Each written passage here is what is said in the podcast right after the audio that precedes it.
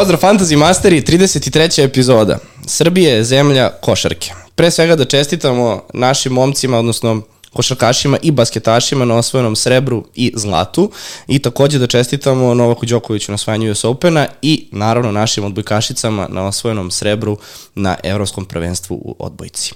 I Za početak, Ivani Vuleti na osvojenom zlatu. Tako je, bravo, odmah si me ispravio na, na, na startu. I za početak takođe da se zahvalimo našem sponzoru Admiral Betu što je uz nas svaku našu epizodu daje nam vetar u leđa i evo uspeli smo da napravimo jednu ove, jako kvalitetnu priču sa njima i veliki pozdrav za Admiral Bet i zahvalim što su tu sa nama. Uh, počet ćemo ovu epizodu nas dvojica sami, tako ćemo u stvari završiti. Da. Idemo jednu klasičnu najavu kola, o, jedna, jedna klasik epizoda, kako smo mi zvali prošle sezone, tako je, da. Ove, tako da evo za početak, hoćemo odmah da se bacimo na posao, da krenemo redom utakmice ili... E, znaš šta hoću da spomenemo? Hoću da spomenemo Euroligu koju smo pokrenuli, hoćeš da dam tebi uvodnu reč? Pa može, ako tebi to ok. Dakle, ove sezone pokrećemo neki novi projekat. Ovo nam je četvrta sezona od kako se bavimo Premier Ligom i fantazijem i hteli su malo da proširimo neku našu priču i počet ćemo sa Euroligom. Smatramo da je to može idealan trenutak sada kada i Crvena zvezda i Partizan imaju zaista odlične timove kada su neke ambicije na sasvim solidnom nivou. Tako, Tako da smo napravili stranicu na Instagramu Fantasy Master i Euroliga. Zapratite, ove godine će biti besplatna liga, bit će i kvalitetan nagradni fond uh, uz naše nove momke Lazara i ostatak družine koji će da rade na stranici, da se bave analitikom i sadržajem, zaista mislim da će to momci dobro da odrade i pozivamo sve da zapratite stranicu i da budete deo naše lige i kada je Euroliga u pitanju. U suštini ko nije igrao do sada, identično, fantasy aplikacija, sve isto, samo što je u pitanju Euroliga i naravno prati se košarka. Da, mislim, da, da, drugi sport u pitanju, ali svakako fantasy. Tako je. I bit će zanimljivo. Ćemo spomenemo nagrade. Prvo mesto, odnosno pobednik nedelje će dobijati uh, voucher ručka u Admiral Bet pubu. Uh, mesečne nagrade su, ako se ne varam, uh, prvo mesto će biti retro dress Evrolige, drugo mesto uh, će biti navijačka majica, navijačka majica, tako je, Partizana ili Zvezde i treće mesto je to je kao što imamo za našu ligu Canvas fotografija, odnosno da, Canvas da. fotografija i uh, nagrade za pobednike sezone su uh, treće mesto original košarkaška lopta Euroligije, tako je. Uh, drugo mesto će biti gift kartica po izboru pobednika uh, neke sportske opreme, pre svega, i prvo mesto će biti original dres Partizan ili Zvezde potpisan od strane nekog od igrača, nećemo da otkrijemo od koga. Tako da, s obzirom da je Liga besplatna prve sezone, ja se ne sjećam da su ovako bile dobre nagrade što se tiče premier lige po ovih par sezona. Jest, zaista, hteli smo prosto da ovaj projekat u početku ima nekog smisla, da napravimo neku što veću bazu igrača, takođe će biti WhatsApp zajednica kao što postoji za uh, naše lige uh, kada je pitanje Fantasy Premier Liga, tako da mislim da je ovo zaista jedan dobar preduslov da imamo jednu sjajnu pre svega košarkašku sezonu kada je pitanje Euroliga. Tako i naravno izvezi Partizan i da se ljudi prosto dodatno zabave kada su u pitanju neki košarkaši i da malo još se pozabavimo nekim drugim stvarima da nisu samo Premier Liga i futbol, malo da se odmorimo. Jer ću ovo, ja, na primjer, ja ću igrati ovu ligu, ali ću igrati ipak onako opuštenije, neću baš toliko da se opterećujem i nekako za svoju dušu, vjerojatno će moje sastavljanje timova biti malo više na osnovu nekih emocija nego na osnovu neke statistike. Dobro, nemoj to sad da otkrivaš, ali evo, ostavit ćemo svakako u komentaru ispod snimka e, link do Instagram stranice i do uh, ankete, odnosno koju popunjavate za prijavu za našu ligu. Tako da se mi sada vratimo da. na, na, na futbal i zašto smo ovaj, uopšte pokrenuli sve ovo. Prvo kolo, odnosno prva utakmica narednog kola počinjemo sa Wolverhampton Liverpool. Da... Konačno kolo počinje u subotu, Da, da malo da se odmorimo. Malo da se odmorimo. Ali eto, da kažemo ljudima otvoreno, snimamo podcast prvi put u jutarnjem terminu. Dakle... Mo, mo, ali da, morao je da otkrije. Mora, da otkrije. Nije mogo, svrbi ga. Da, zato, zato i pijemo čaj. Da, da se Nikola malo razbudi. E, ovo je bila prva reprezentativna pauza. Moram da priznam da je prošla poprilično mirno kada su u pitanju neke povrede i uglavnom su uvek donosile neke probleme, sada imamo možda svega par situacija pa, sa nekim... Son manje više je bio onako... A, na kraju ispalo da onaj led prosto nešto što već neko vreme to stavlja posle treninga utakmica. Ake je napustio uh, utakmicu dok je nastupao za Holandiju valjda na polovremenu. Videli su da je Nunez imao isto takođe određene probleme, kao i Almirona, ali još uvijek moramo da sačekamo konkretne informacije kada budu konferencije za medije. Tu će još biti bitno da saznamo kakvog je stanja Aleksander Arnold, ali u suštini nije to sad neki preveliki broj igrača koji su pod nekim upitnikom ili da su, ne de Bože, teže povređeni. Ali evo, da kažemo, prva utakmica uh, Wolves i Liverpool. Jesi gledao ti prošlu utakmicu Liverpoola? Uh, kada su igrali... Protiv Aston Villa? Pa znaš kako, ja sam očekivao da će Aston Villa ozbiljno da ih kazni na toj utakmici. Uopšte nisam bio siguran da će Liverpool izvući nešto, ali eto, demantovali su i drugi put. I kad je bio Viško, pričali smo za Newcastle, da. Liverpool. Ja sam očekivao Newcastle da će to odneti bodove, ali na kraju, evo, Pa evo, ja sam čak i... utakmice i Ja sam na posljednjoj epizodi onako malo hrabrije rekao da treba ići bez Aleksandra Arnolda, bez odbrane Liverpoola i desi se Kaznili su te, da, kaznili Liverpool da. je jedno od dve ekipe koje su čuvale mrežu. Znači, samo dve ekipe su sačuvale mrežu. Liverpool je odigrao jednu zaista dobru utakmicu. Pre svega je, ja mislim, Klopp Emery je taktički nadmudrio, gde se Aleksandar Arnold, pošto pričamo o njemu, e, nije toliko vlačio na tu poziciju šestice, već više ostaje po strani, čak i u nekim trenucima izgledao kao da igra trećeg štopera i kako Watkins i Diaby nisu napadali Aleksandar Arnolda, on je mogo komotno da šalje duge lopte, a kako je odbrana Aston Villa bila poprilično visoko postavljena, tako smo mogli vidimo brojna dobra dodavanja koji su u startu pravila probleme Aston Villa. Na kraju, Aleksandar Arnold kao u nekada kada smo pratili asistencija, 3 bonus poena, sa 12 poena završio meč, Salah je ponovo bio strelac, eh, čak i mogo da ima mnogo više poena da je Nunez bio precizniji, ali Nunez na kraju završio sa- dve asistencije i Mati Keš koji je ponovo dao gol. Ali, su suprotne strane, da. Ali ovaj put u svoju mrežu. Kada pričamo o ovoj utakmici, to je zapravo iz mog nekog ugla imamo dva neka pitanja koje treba da postavimo. Da li je vreme već sada da dovodimo nekog iz Liverpoola ili da čekamo taj bolji raspored koji njima sledi od 9. do 16. kola. Dakle, ja sam ovdje izvukao od 9. do 16. kola Liverpool igra sa Evertonom, Nottingham Forestom, Lutonom, Brentfordom, Manchester Cityjem, Fulhamom, Fulhamom, Sheffieldom i Crystal Palaceom. Dakle, osim Manchester City je jedan zaista kvalitetan raspored. Mohamed Salah nekako glavna pretnja, svakako naj, najbitniji igrač Liverpoola, ali glavna stvar za fantazije je što on tu po toj nekoj ceni realno nezgodan da se dovede. Tu bi moralo da se prosto... To je, to je najveći problem. Da. Da, da moraš da ulaziš u ozbiljan minus da. ili da ideš na van card ako hoćeš da dovodiš Salaha.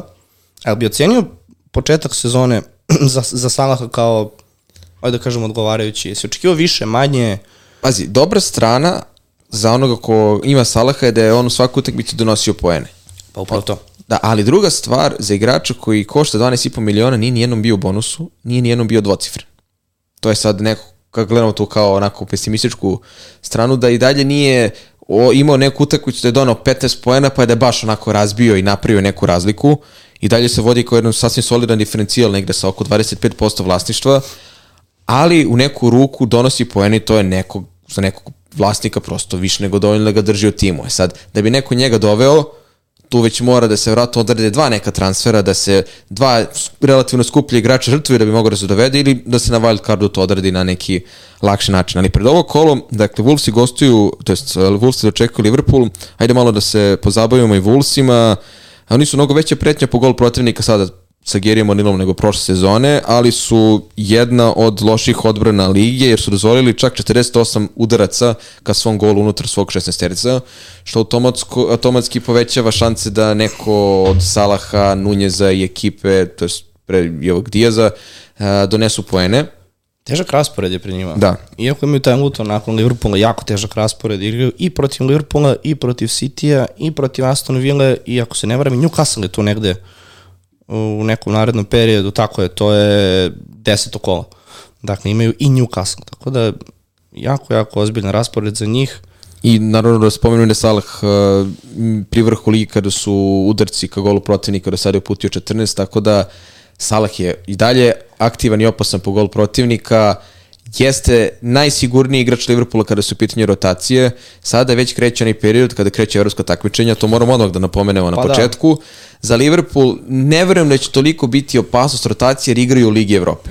Ja ne mogu da dam ruku da će oni previše ozbiljno shvate makar grupnu fazu, niti da će da neke najbolje igrače previše forsiraju u utakmicama Lige Evrope, za razliku od timova koji igraju Ligu šampiona, ali svakako to jeste faktor, jer mi do naredne reprezentativne pauze, koja počinje 7. oktobra, imamo četiri kola Premier Lige, dva kola evropskih takmičenja i jedno kolo Karabao Kup. Svi jači timovi Premier Ligi imaju svake nedelje po dve utakmice. Dakle, vikend, rana nedelja, vikend, rana nedelja, sve do reprezentativne pauze. Ali ako pričamo o ovom kolu, dakle, Salah, ako ga imate, svakako neko ostane u timu, da li vredi da se dovodi neko drugi, tu će vratno biti pitanje Nunez, jer je dao dva gola Newcastle, ima dve asistencije. Kao, baš iz Liverpoola gledamo da, da, da, da iz Liverpoola.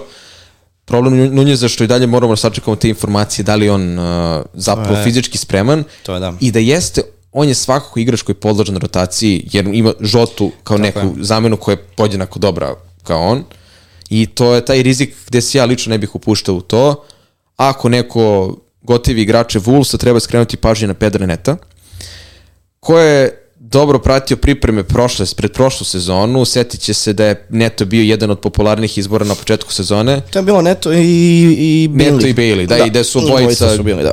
uglavnom ne donosili ništa, da je Neto završio sezonu, ja mislim, sa dve asistencije samo na, na nivou cele sezone. Evo već sada ima uh, 13 stvorenih šanci u prvo, prva četiri kola i Neto je treći u ligi po tome i ima tri asistencije na četiri utakmice. 5,5 miliona košta, ali opet neko će reći kao pa to su Wolvesi, kako može neko da se ostane na njih, ali to je sad neki jeftin diferencijal na sredini terena. Tu treba da pohvalimo i Kunju, koji je konačno postigao svoj gol, a na vrhu je lige, što, što se tiče te statistike očekivanog učešća u golovima, i Hvanga, koji za svega 137 minuta ima postigao dva gola.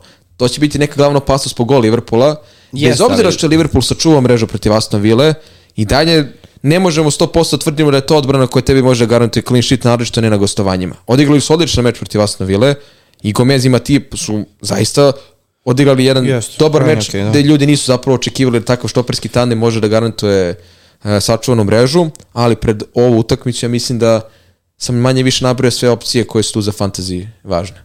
Pa kažem ti, to je za, za Wolverhampton konkretno je veliki problem taj raspored i to od ove sezone što imamo tu situaciju da imaš previše opcija na sredini da. terena, gde delo je nekako, ako nemaš nekog od igrača, već ovaj, zaostaješ, u smislu imaš Embeuma, Madisona, Fodena, Ezea, Mitoma, i ti sad kad nabrojiš, nema tu mesta za jednog neta. Da. Vrlo jednostavno. A ajde da im je raspored zeleno naredna 3-4 kola, pa da kažeš, ok, ajde da probamo, ali Liverpool, City, Newcastle, Aston Villa, nije to uopšte naivno. Ok, Luton kao možda jedno dovođenje, ali da li će ljudi to stvarno da rade? Koliko pa, je procenat neto, jesi, si gledao to možda? Pa, nisam obratio pažnju, ali ne verujem da je to preko 2-3%. Možda će malo da poraste, ali zaista mislim da su to ono, decimale. Ali ove sezone je prosto takva, barem na početku, da ti na sredini mnogo rizikuješ, naravno sa potencijalom uspeha, ako guraš neke diferencijale, jer ima previše fut, kvalitetnih futbolera koji mogu da donose poene koji imaju već neki visok procenat vlasništva da bi se neko ohrabrio da krene sa Pedrom Netom, na primer, pred ovo kolo još kada igraju sa Liverpoolom i kakav raspored imaju i, i generalno kakav je klub. Ali zato je fantasy prosto takva aplikacija da ti pruža brojne prilike, pa eto, ko hoće može proba sa nekim takvim futbolerima. Znači neto ima 0,4%. Da, decimale. Što bi rekli ljudi statistički greške. Ali bukvalno, da. A, dobro, generalno za ovu utakmicu hoće Liverpool imati nekih poteškoća ili nova tri boje, poena? Ako budu odigrali na nivou protiv Aston Ville da taktički zaista odrade sve što treba, ja mislim da Liverpool komu to može da dođe do 3 poena i da se očekuje pobjeda Liverpoola na ovakvoj utakmici. Samo što me ne bi čudilo da bude neka tvrđa utakmica, po nekoj moj prognozi, ne verujem naravno 0-0, ali da se Wolves i onako poprilično zatvore. Nešto slično kao što su, ako se zategli protiv Manchester Uniteda sa tim što su ih Wolvesi lepo nat, pretačali na sredini terena, u što sad ne verujem da će to baš uraditi Liverpool, ali svakako će tu Liverpool vjerojatno konstantno držati loptu u nogama. Tako je. Narednih sedam kola eh, Liverpool ima i Wolverhampton, i Everton, i Nottingham Forest, i Luton. Dakle, Liverpool ima jako lep raspored i dalje što ti kažeš od devetog kola od devetog, da, postoji šansa, oni su već sada treći na tabeli sa isto bodova koliko i Tottenham, postoji šansa da oni ovaj period iskoriste i da se ajde odlepe u ta top 4 ovaj, mesta, ali ajde da vidimo, što ti kažeš, dovoditi Darvina i dalje nekako delo malo riski, jel da? Da. Trend skup, ali ako nastavi ovako već Mislim, može to, to da se... zavisi od uh, toga kako će odbrana Liverpoola da igra. Tebi taj clean sheet ima veliku ulogu. Tako da, ali svakako je trend i dalje trenutno skup dok ne uhvati neku konstantu da neko može da kaže e, on vredi taj novac, mora da ga imamo u timu. Baš tako. Dobro, jel očekujemo pobedu Liverpoola ovde obojica? Da. Pošteno. Sledeća utakmica Aston Villa, to je prva utakmica od četiri, to je multiprenos, ali tako? Subota, jeste. Da. Aston Villa Crystal Palace. Aston Villa, pa, da li mogu biti zadovoljni otvaranjem sezone? Mislim da generalno, makar, ajde možda ne po rezultatu, ali po stilu igre, delo ako naštima još par šrafova, to može da bude jako interesantno Pa da. i ono što smo očekivali od njih. Ne možeš da kažeš da su porazi od Newcastle i Liverpool u gostima nešto što je Naravno, dobro, Neočekivano, malo taj tako da- poraz od Newcastle je malo bio jeste, preteran. bio baš onako jak, ali prosto Newcastle odigrao najbolju utakmicu sezone već na početku, koji je posle vezao par loših rezultata, ali Aston Villa od osmog kola ima seriju odličnih utakmica, mada mi već sad od prvog kola zapravo pričamo o Watkinsu i Diabiju, pre svega o Diabiju kao solidnom diferencijalu po onoj ceni od 6,5 miliona, to je početnoj ceni, kao nekoga koga bismo možda mogli da imamo na sredini terena i Watkinsu kao jednom od 3-4 napadača koji se tu rotiraju uz Haalanda koji, jel te, prosto...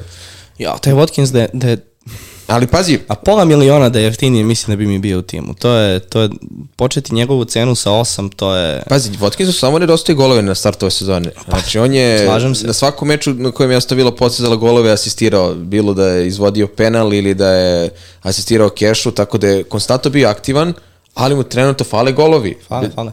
Tako da se nadam da, to jest, verujem da će sigurno u nekom narednom periodu doći i to. Pa mislim da je ovo jedna od utakmica, još ako ne bude igrao Guehi uh, u postavi Crystal Palasa, gde bi konačno Votkis mogao da bude strelac i da nagradi svoje vlasnike. Uh, tu se sad postavlja drugo pitanje, da li će Keš igrati krilo ili će igrati beka, jer se povredio Diego Carlos protiv uh, Liverpoola i- i kako je Diego Carlos izašao, Keš se povukao baš na poziciju beka, zaista mislim da Keš može biti vredan pažnje ako konstantno bude igrao toliko ofanzivno, to je ako bude igrao van svoje pozicije, jer je Aston Villa prosto po kompoziciji igre takav tim da će on često biti kako u šansama za gol, tako i da donese neke poene u odbrani, jer se vodi kao defanzivac, ali moramo da sačekamo te informacije da li Diego Carlos spreman da igra protiv Crystal Palasa. Oni imaju veliki tu sve problem, što su se desile povrede i Diego Carlosa, ali i Minksa na celu sezonu. I to se desilo u prva, koliko, četiri Da. kola i sad kako dalje? Transfer, transferi su završeni, ne mogu da vedu izmene, ok, doveli su uh, Pau Torresa iz Villareala, odličan štoper, Da. ali opet im fali jedan. Jeste. I, to, i nema, nema iskustva. Mislim, Da. ako se ne Konza će tu zapravo biti sa njim Pa da, mislim, vidjet ćemo, Starter. vidjet ćemo kako će to, to Emery sve da posluži, ali zato kažem da je ovo sad nekako trenutak da se ipak gledaju malo ofanzivne opcije ostavili, pa da se tek od osmog kola tu gleda da li može nešto pozadi da se uzme, da je dosta hrabrije birati još uvek Dinja ili Keša, da ne pričamo o nekim drugim futbolerima iz odbrane, uh, ali ajde malo pričamo o Crystal Palace-u. Jeste, samo se jedna stvar zaboravio, ono što je bitno, to je da ljudi su malo na startu upoređivali i Bailey-a sa Diabijem. Ok, kao Bailey ipak jeftinija Da. opcija ako budu u dobroj formi Pazi. na krilima, ali Bailey izgleda podložan izmenama, a Diaby izgleda da je dobar, Da. dobar starter zajedno sa Watkinsom. Neće, Bailey je podložen, neće izlaziti toliko. Bailey je podložen izmenama, ali delo je dosta konkretnije ove sezone. Kada pričamo o onim brojnim Naravno. diferencijalima na sredini terena, ako neko neće da ima Diabija, hoće da ima nekog iz Aston Villa na sredini terena, onda je Bailey nekako tu najbolje rešenje uz McGina. Mada opet, ako bih imao nekog iz Aston Villa na sredini terena, zaista ne bih rizikovao, uzeo bih Diabija i stvarno da ne razmišljam o tome da li će Bailey igrati, kako će odigrati, sigurnije varijante. Bu- Buendija koji je isto povređen Da, ozbiljno. da. Za Niolo kao, kao zamena za Buendiju može biti interesantan, ali mu treba dati prostor i treba mu dati vremenu prije mirnika. Da. Ali on, on stvarno može da bude ozbiljan diferencijal, možda u drugom delu sezone, kad se već malo navikne, ali što da ne da vidim. Za sad da, Da, ali- definitivno kao jedna od opcija. E sad, Crystal Palace. E, to sam te Ajde čekao. malo pričamo o Ocunu Eduaru. Da, Dakle, čovjek i senke. Čovjek i senke. Prošle sezone, tačno, se, tačno sam pogledao neku statistiku da on nije završio njenu utakmicu. Dakle, uvijek je bio ili izmenjen, ili ulazio sa klupe i to je nešto što za fantasy prosto Se nije sećaš one primamljivo. tekme, zaboravio sam, to, nje, to je bio njegov debi. Kad je, za, za, za, za, za Crystal Palace, kad je ušao i dao, ja mislim da je on, kad je na svom debiju dao dva gola, u, na primjer četiri minuta. Nisam siguran stvarno da je to tako bilo, ali, gledao tu utakmicu. ali svakako, početak ove sezone je nešto totalno drugačije što vidimo od Ocana Eduara, tri gola na četiri utakmice, treći napadač u ligi po toj naprednoj statistici očekivanog eh, broja učešća u golovima i on i Azar Znači, me, on je Azar. On i Eze. Pa Ovo je- vidi, vidi. O- Ovo ide u blooper sezone. Oni, Ali dis, možda, možda, možda ove sezone eto, to demantuje, pa da. Jutarnje emisije.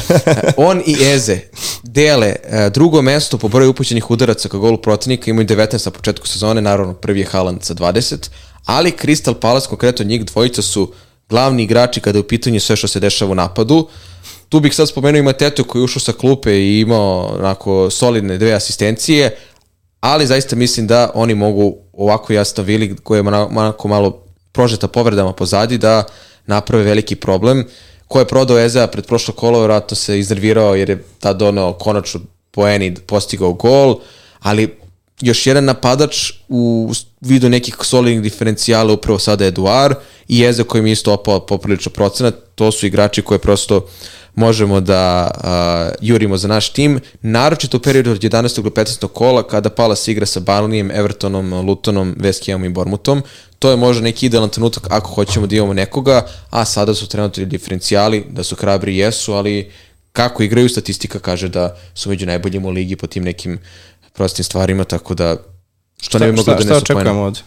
Ja ovde očekujem golove, bez obzira što Crystal Palace nije neka ekipa koja onako na prvu loptu deluje kao da može da se očekuje goleada, ali evo pobedili su Wolves 3-2 kod kuće, Ali to je pet golova. Da, pet golova. Znači, ako mogu Vulsi dva, tako da nekih 2-2, neki nerešen rezultat mi ovde meni mogu da deluje kao korektan, mada mislim da ipak kasno Vila malo veći favorit jer igraju kod kuće da će oni ipak tu da pobede. ok. Uh, znaš kako, meni deluje da će Crystal Palace ovde da iznenadi. Imam utisak da ih mnogo pocenjujemo u neku ruku i da stalno pričamo o individuama. Da. I to je prvenstveno bio samo Eze. Sad je to i, da kažemo, glavni napadač. Tako da imam utisak da su oni malo tu i senke ušli u ovu priču i da zato nemaju toliko očekivanja Pa znaš kako, koliko ima Aston Villa, jer ipak ozbiljna pojačanja su imali, a mislim da će ih ozbiljno koštati to što nemaju dva, pa ne mogu da kažem možda na početku sezone glavna štopera, odnosno oni koji su trebali da startuju, ali sigurno se nisu nadali da će imati sezonu bez obojice. Znači Da. bez Carlosa i... Dobro, ja, ja verujem da je Carlos nije teže povređen, čak postoji šansa da Ne, ne, naravno, zaigra. naravno, ali, ali- ovo za Mings je veliki hendikep, to Jeste, je ali nešto što- trenutna situacija je da su bez obojice. Da, tako da, da. mislim da će to biti veliki problem. Uh, svakako Crystal Palace raspucanje, dosta golova daju, tako da ne Pazi. bi mene čudilo da, da, da oni uzmu bodove Crystal Palace- bez problema. Ko je ostao bez najboljih igrača? Zaha otišao u Galatasaray. Olis, drugi najbolji igrač, makar prošle sezone, neće Dobro, biti do nije, oktobra. da, tako je. Na, uz Ezea koji tu, uz njih trojicu je bio najopasniji i zaista deluju jako dobro na početku sezone, još kada se Olis vrati u oktobru, koji je produžio ugovor, sećaš se da je bila priča da je... I Chelsea, i City, Da, da, da, jeste, da, je gotova priča da prelazi u Chelsea i da se pojavljuje samo informacija Da je produžio ugovor. produžio ugovor. Tako da Crystal Palace zaista onako, kao što sam prošle sezone stalno forsirao društvo diferencijala, nastavljaju i ove sezone po to je tom neki nekom njihov parametru. stil igre. Stil ima igre, da. Mada delo je da je Eze ipak taj koji je vukao ekipu. Jeste. Jer on je sad ostao u stvari usamljen. I na prekidima je Tako je. Tako da svakako je jedno, je, ne samo što je dobar igrač, nego i dalje mislim da kvalitetna opcija za fantasy da će sve to što je promašio prvih par kola da dođe na naplatu. Slažem se s tobom. Idemo dalje. To je Fulham Luton. E, ovo baš da te pustim da izdeklamuješ. I da nastavljamo si dalje. Tako je. E, pazi, ono što sam ja izvukao, Fulham je statistička najlošija odbrana lige posle četiri kola. A imaju Lena. Nimo je Lena. Dakle, Leno je tu zapravo mnogo veći heroj nego što se predstavlja. No, da sam ušao baš da gledam devet odbrana u prvom kolu, pet u drugom, osam u trećem ili osam u drugom, pet u trećem. Jedino protiv Manchester City nije imao odbrane, ali ajde, kao to je Manchester City, to su ozbiljne cifre za jednog golmana. Dakle, ako ne računamo utakmicu sa Manchester, Manchester Cityjem, Leno je imao 22 odbrane na tri uvodne utakmice, dakle preko 7 odbrana, što je zaista ozbiljan broj za jednog takvog golmana i jednu takvu ligu.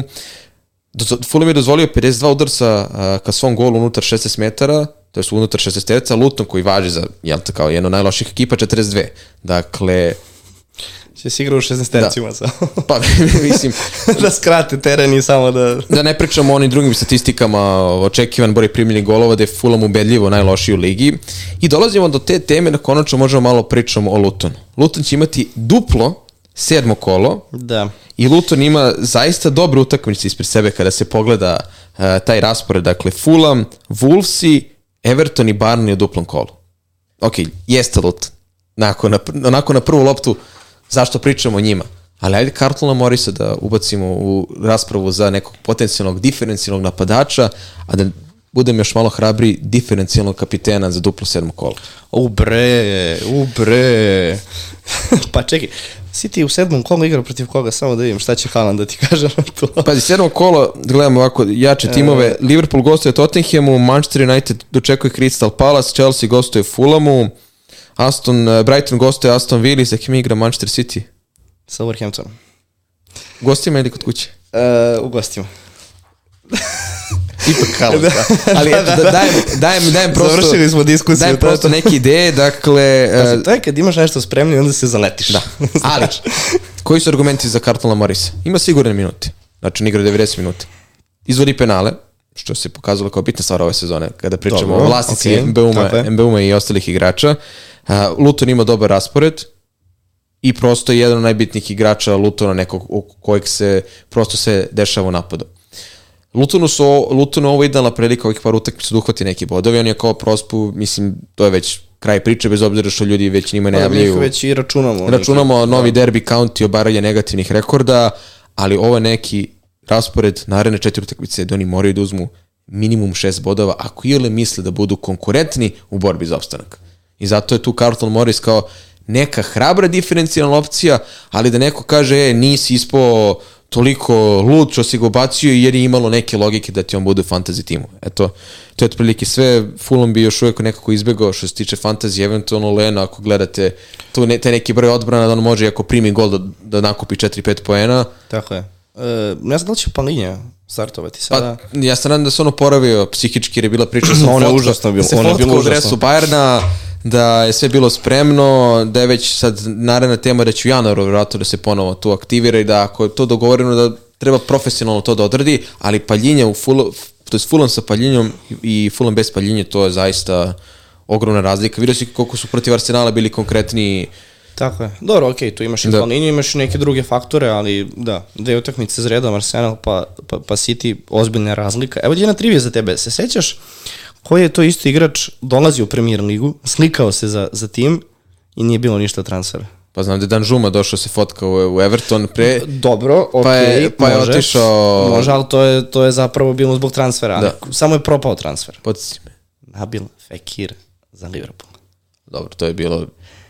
Pa dobro, ima godina, ali da. on je tad slikan, sve je bilo gotovo i samo su javili da je transfer propao. Mene zanima. I, I onda je završio u, Bet, u Betisu. Betisu, Betis. da. Ja bih jako volao da vidim te fotografije. Negde ih neko uče posle par godina onako. Ima, da... ima, evo sad ti pokažem. Ima, ima da. fotografija Fekira u, u, u dresu Liverpoola. Ajde dok ja tražim, ovaj, da idemo dalje. E, dobro, Fulham Luton, očekujemo pobedu Fulhama.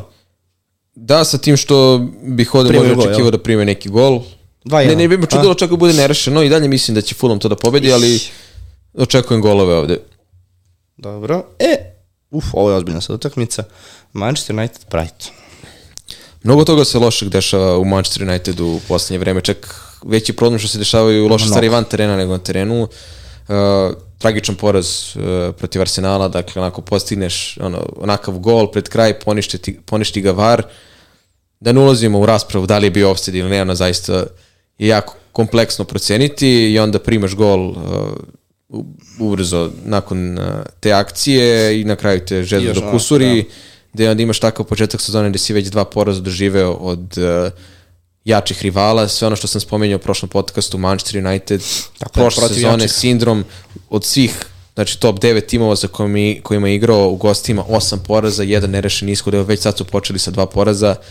Takvi rezultati ti ne garantuju ni mesto top 4, prosto nešto mora tu da se promeni, na sve to se nadovezuje Antoni koji neće biti u narednom periodu tu zbog optužbi zbog nekih stvari koje je uradio ili nije uradio, to ne znamo Nećemo u Brazilu, to, da, svakako, da, onda sukob, sukob ne znamo da li sukob gde Ten Hag nakon utakmice izjavio da Sancho se nije pokazivao, to je pokazao na treningu, gde Sancho potom na društvenim mrežama objavljuje kako to nije istina, na kraju obrisu tu, obrisu tu Ne znam šta fotografiju. se tu dešava. Ne znam ni Vrati ja, se u Dortmund, kada su Sancho, Haaland i Bellingham. Ok, Bellingham se pojavio sezonu kasnije, ali od njih trojice u jednom trenutku, pa možda i Sancho bio najveći talent.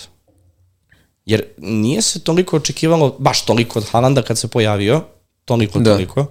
Sancho je bio ozbiljan talent. Ja znam da smo, ja prvi, koliko sam se ono, ono kažem uplašio, ali iznervirao što dolazi United, jer stvarno to je bio Da. da. ozbiljan transfer. I ta prva sezona kad je transfer propao, po većoj ceni i onda sledeće sezone on dolazi i na kraju vidi gde je Bellingham sada, vidi gde je Haaland sada, I- i stvarno ne znam, više do, do Uniteda, do Ne, ne, nekih znaš šta stvari koje mi ne znamo ili ne razumem prosto. šta je tu naj, najgora stvar koja se meni tu ne sviđa?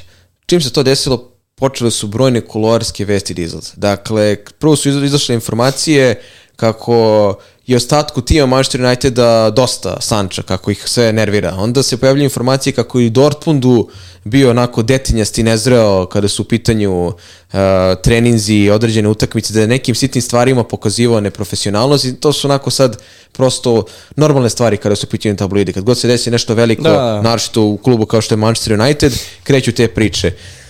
Ten Hag eh, nije imao prvi sukup koji je imao kako javni, tako interni sa nekim futbalerima, kako iz Manchester Uniteda, tako vratno ima Ajaxu. Dakle, seti se kako je ono prošlo sa Ronaldom sve. Da li je to etički ispravno što to on radi, ne znam, ali da je to prosto neki način njegovog opošćenja da on onako malo direktnije i javnije izlazi.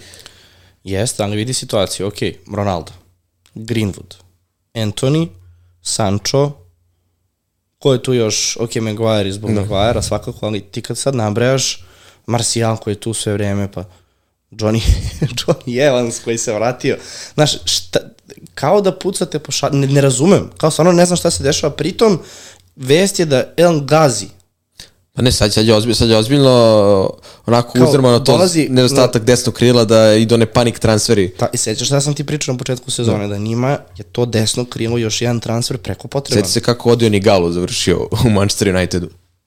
primjera radi, pa i Verhost. Da. Ništa tu specijalno drugačije nije bilo. Ne, pr prosto i dalje nešto ne funkcioniše u klubu, vidiš da i prodaja uh, kluba negde stagnira, pitanje je na kraju da li će biti prodat klub, tako da se nadam da će da prosto makar na terenu to deluje bolje, ali sad Manchester United igra sa Brightonom, pa da se malo pozabavimo samom utakmicom, bez obzira na sve ove loše stvari. Jeste, znaš šta sam samo teo. Da. da, ti, da ti skrenem pažnju? Uh, znaš ko može odlično da igra na desnom krilu za United? I možda da donosi više bodova nego što sad donosi? Bruno.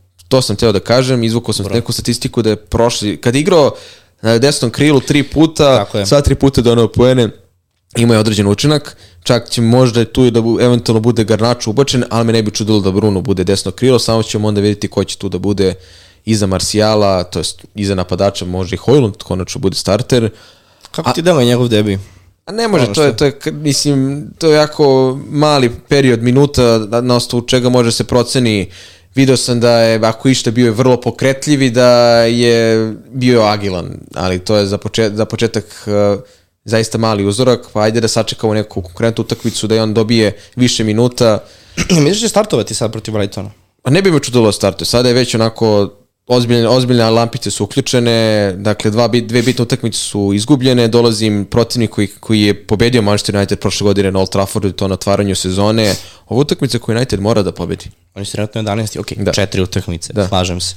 Ali ako oni izgube ovo, primjera radi prospu bodove, Ove sezone, ove sezone Manchester United ne može da računa da će Tottenham i Liverpool da štucaju u borbi za Ligu šampiona, naročito nakon ovakvih partija koje je Tottenham pružao. za sada tako da... Što znači da United mora ozbiljno da podigne svaki mogući nivo igre u svim delovima, svim delovima terena.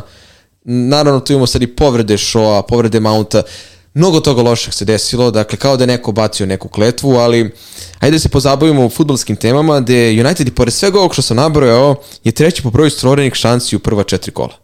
Dakle, napadački to očigledno ima nekog smisla, makar po statistici. Šesti i sedmi je po onim XG e, prosto očekivanim na statistikama, ali defanzivno tu škripi. Počevši od povreda, dakle, već kako je Shaw ispo iz konkurencije, to ti je ozbiljan hendikep.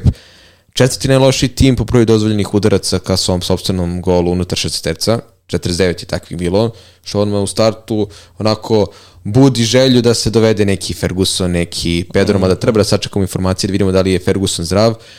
Svakako ofanzivci Brightona, bez obzira što Brighton ulazi u ozbiljan raspored u narednih šest mečeva, dakle igraju sa Manchester Unitedom, Aston Villom, Liverpoolom, Manchester Cityjem, plus Brightonu kreće obaveze u Ligi Evrope. Ne znam koliko će oni to ozbiljno da shvate, ali prvi put igraju neko evropsko takmičenje, može i za grizu da ostvare neki konkretan učinak. Ja imam neku teoriju da će oni tu grupnu fazu igrati kao neki kup, manje više. Ako prođu grupu, onda ajde mogu da razmišljaju dalje u nekoj fazi. Ali to ti je ključna stvar, Dezerbi njegove rotacije. On će sigurno da rotira. Jeste, on će staviti da. nekog iz akademije Da. i on će igrati manje, Ali- manje više identično u, u Evropi kao Tebi tu za fantasy zapravo ali- najbitnija stvar da ti možeš da prepoznaš kada će Ferguson, kada će Pedro imati zasigurne minute. pa to kad bi mi znali da, Jer ono što kako ćeš to da znaš? Kako? Ne, nekako trenutno deluje da su Mitoma i March najsigurniji, još sada kada se Fanti uh, ubači, ubaci u Fati, sistem. tako je, da, ali Fati, Fati je više levo krilo. Da, tu će Primarno. minut, mi, mi, ti, To je- mi Tomi da To su mi potencijalno kradne minuti, minute. ali kako ćeš ti, pored mi tome, da, da, da ubaciš Fatija, posebno, pff, ne znam, mislim, vidi, znaš kako, ne znam, ne bi me čudilo da Fati preuzme ulogu koju je imao McAllister u ovom trenutku. Znaš, da on zapravo ide sa, sa uh, Fatijem uh, kao tim nekim prednjim veznim, zašto da ne, i da ima Fergusona u špicu. Znaš, a probao je već sa Žao Pedrom kao prednjim veznim, tako da, njemu fali takav neki tip McAllistera, ne bi me to čudilo. Dobro, tu je da Hood, on, on to zaista fino pokriva do sada. Slažem se, ali vidi, Fati je do pre dve sezone, njega su povrede baš satrale, ovaj, ali Fati je bio ozbiljan talent. Pa sećaš se kad je United teo da ponudi za njega koliko stoji nešto miliona. Mislim, ne mora da znači da, Da. je to ekvivalent talenta, ali generalno on je možda jedan od najvećih talenata iz akademije Da. Barcelona u prethodnih 5-6 godina. Onako, okej. onako bude igrao dobro u Brightonu, to je zaista odlično. Da, može da, da, da popravi svoju karijeru. Tako je. Zašto da ne, može biti interesantno. Znaš Ali da se vratimo. Znaš koga zaboravljam? A? To teo sam sada ga spomen. Pascal Gross. Najviše stvorenih šansi u ligi. Bravo. 16. Doduše, ovo je Bravo. duel tri najbolji igrača po tom pitanju. Pascal Gross sa 16 Gross, Bruno, i Mitom I sa Mitoma. 14. Tako je. Dakle, ovo je utakmica da meni zaista deluje da će biti golova, jer na sve ovo treba da nadodamo da je Brighton uspeo sebe da postavi kao ekipu koja je među najboljim napadačkim ekipama i pozadi su poprilično slabi. To onako sad deluje, deluje neverovatno, ali Brighton je drugi u ligi po broju stvorenih šansi, drugi po XG-u, dakle sve te napredne statistike prosto potvrđuju ono što mi vidimo golim okom. Dakle, Da. onaj eye test je potvrđen, ali Brighton je šesti najlošiji tim po broju velikih šansi koji su stvorili njihovi protivnici. Dakle, pričamo o duelu dva tima gde velike šanse stvaraju upravo Bruno, Mitoma, Pascal Gross, gde ovde zaista možemo da vidimo da svako njih može dođe u situaciju da donese poene jer- se sastoji prosto dva tima koji će vjerojatno dozvoliti dosta udaraca ka svom golu, što meni uopšte onda ne može da objasni zašto ljudi masovno prodaju Rashforda ili Bruna pred ovo kolo. Jeste sve onako bilo manje više tragično zaista protiv Arsenala, ali nije da, ovo utakmica da je- deluje, deluje Rashford da trenutno ne opravdava cenu za ovu Ali sezonu, ono- dok Bruno da. ipak Ja se nadam da će Hojlund da startuje da će Rashford biti levo. On na levom krilu je zaista Apsolutno. video si protiv Ar- Arsenala. Jedna kontra je bila dovoljna da Tako je. se ubaci na onaj njegov način da postigne gol. to su njegove šanse, slažem Da. se, ali upravo ta rotacija i sad ako Hojlund nije dovoljno spreman ili neko mora da pokrije desno krilo, gde će. Rashford? Mislim, i Bruno isto... špica, ne, da. ne. I Bruno ove sezone i dalje nije zabeležio brojke na onih statističkih očekivanja, jer je on drugi najbolji veznak, veznak u ligi po tom uh, očekivanom učešću u golovima, tako da mislim da će poeni uskoro doći, gde sam vidio da dosta timova, uh, fantasy timova, nema Rashforda, nego ima i Bruna, jer je i na prekidima, to je pre svega na penalima i dosta je potentan i po tom pitanju stvaranja šansi i naravno posle ulaska u neke bonus poene. Tako da je to tih par nekih igrača za ovu utakmicu gde ja zaista vidim da može bude 2-2, 3-2, može i 3-3. Ja sam ovu sezonu krenuo sa Brunom bez Da. Rashforda, iako znam da je dosta ljudi, posebno u našoj ligi, dupliralo i Rashford i Bruno. I iskreno za sada to deluje. Da. Ok, jeste dao Rashford go, slažem se, ali ne bi, ne bi duplirao. Da. Ono što- što... Znači, da nikako. Uh, samo sam teo da ti spomenem za konkretno Brighton, odnosno za Grossa, da je on vrlo, vrlo interesantna opcija, ako se ispostavi da on i protiv United ovako nešto uradi, ali s druge strane, Brighton čeka izuzetno e, zeznut raspored to, to, zajedno sa Evropom. Da, to, to ono što sam spomenuo, tu je jako bitno pitanje šta raditi sa futbalerima Brightona u vašem timu. To je veliki problem. Ja sam ubeđen da većina fantasy igrača ima Estupinjana. Imam tri. Estupinjan, Mitoma, Žao Pedro. E. Ne znam Kako to da se uklopi sa teškim rasporedom, sa Evropom i sa tim da postoje sa drugi timovi koji ulaze u mnogo bolji raspored, Tako. od neke Aston Villa, Newcastle, dakle, nekako deluje prirodno da će mnogi da menjaju stupinjana za nekog Šera, Trippiera ili Botmana, zato što Newcastle ulazi dobar raspored, a Newcastle je statistički dobra ekipa, doći ćemo posle do njih. Tako. I kako posle mi Tomu ili Pedra zadržati u timu kad znaš da možeš da vedeš nekog Diabija iz Aston Ville, nekog Diaza iz Liverpoola, Gordona Bansa iz Newcastle ako se ulovi takav Tako period. Je. Dakle, ne bi me čudilo da nakon ovog kola, ako ne već pred ovo, polako pada procenat vlastištva Brightonovih igrača jer ulaze u težak raspored, kreću rotacije, Dezerbije... Evo, evo, jako direktno pitanje. Šta raditi sa Stupinjanom? Znači Ovako. imaš jednu teoriju je. koja kaže katastrofalan raspored, primaće golove i rekao si sam da, da primaju. A druga, druga teorija, teorija kaže Estupinjan je treći defanzivac po, u ligi po očekivanu učeću golovima, jer je izredito ofanzivan. Tako je, i nek primi on da. go, imaće jednu, dve asistencije, imaće bonus poene, da. pokupi, pokupit će te bodove i okej, okay. vlasništvo da. koliko već nekih Pa sad... Sigurno 60-70. Njegovo ono efektivno vlastištvo je oko 70%. Tako to da... Kažem. Šta raditi sa njim? Evo, pa, vrlo da, jednostavno. Da, to, je, to je nešto što ja dobrano treba da razmislim jer ga ja imam. Da li će mi biti na klupi, a opet ne vredi mi ništa na klupi ako donese 10 poena, samo se nerviram za džabe. Da li da ga prodam? I ako ga prodam, opet mogu da opravdam to, je, prodajem ga za nekog ko ima dobar raspored, ko je isto ofanzivan back, ko može sigurno da donese clean sheet poene. Tako je. U jednom trenutku će morati da se prelomi uh, da si živi bez njega. To pazi, znači imaš United, sada koji da. sledi, pa onda posle toga igraju Bournemouth i Aston Villa, tu može da startuje da. bez problema. Onda imaš Liverpool i City, dve utakmice za redom, ubaci Evropu svuda, i onda nakon toga imaš Fulham i Everton. Dakle, ako bi ga ostavljao na klupi, to je neka logika da ostaje za vreme Liverpoola i City-a, to su 8. i 9. Da, kola. pa da su ubaci za neku Aston Villa eventualno, Tako ali ni to nije garancija. Ali evo, ali evo, ti sad gledaš Liverpool-Brighton. Nabroj mi dva igrača koje mogu da ugroze Liverpool. Da. I ti ćeš reći stupinja. I to, to, ka, kako sad da izvagaš? Da li ga ostavljati i ići logikom, imaju ga svi, manje ću štete pretrpeti. To je, to je, to je ona logika kao za sve igrače koji imaju visok, visok procenat vlastištva, bolje da ga imam, da ne donese ni jedan, dva poena, nego da ga nemam, da donese, ne di Bože, 10 i više poena, ima ga 75% ljudi i da mi plasman ide ovako. Da. To su ozbiljne dileme, ali ajde da sačekamo da vidimo prvo kako će to izgledati protiv Manchester Uniteda i da se dobro razmisli o tome. Još taj neki period sada od petog do osmog kola, mislim da će biti idealan da se aktivira prvi wild card. Ali dobro, idemo. Pritom, dodati, mi sve vreme pričamo o problemu desnog krila Uniteda, a imamo je Stopinjana kao levog beka. Brightona. Tako da, šta ako Ten Hag proba sa nekom defazivnijom opcijom na, na desnom krilu da pokrije Stopinjana? Znaš, da. ili ovaj dobije prostora da jurca tamo po, po, po svojoj levoj strani. Da. Znaš, tako da, konkretno, ja bi ostavio Stopinjana za ovu utakmicu, jer se vidi nekako prostor da on može doći do izražaja, posebno protiv Uniteda. Mm.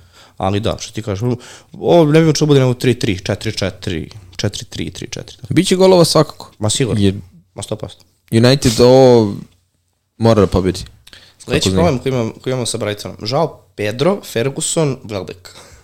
Šta da radimo? To, to, dolazimo u situaciju rotacija malo kao sa City-em, manje više. Da. Ne znamo ni ko će startovati. Ok, kako sad ti Fergusonu da ne da startnu postavu Uh, uh, uh, Pored, posle hetrika. Posle, posle hetrika, tako je. A većina je uzela Pedra na početku sezone. Ja, evo imam Pedra i o, o, više ni ne znam da da ga stavim na klupu, da mi ne bi uzimao taj jedan bod, jer će ući da. u nekom 70. I onda šta radim? Jel treba da igram samo sa Haalandom u napadu? Jest, Znaš, to, to, jest. ko, ko se zacementirao sa Haalandom, Pedrom i još nekom opcijom od 4,5 miliona, ima ozbiljan problem.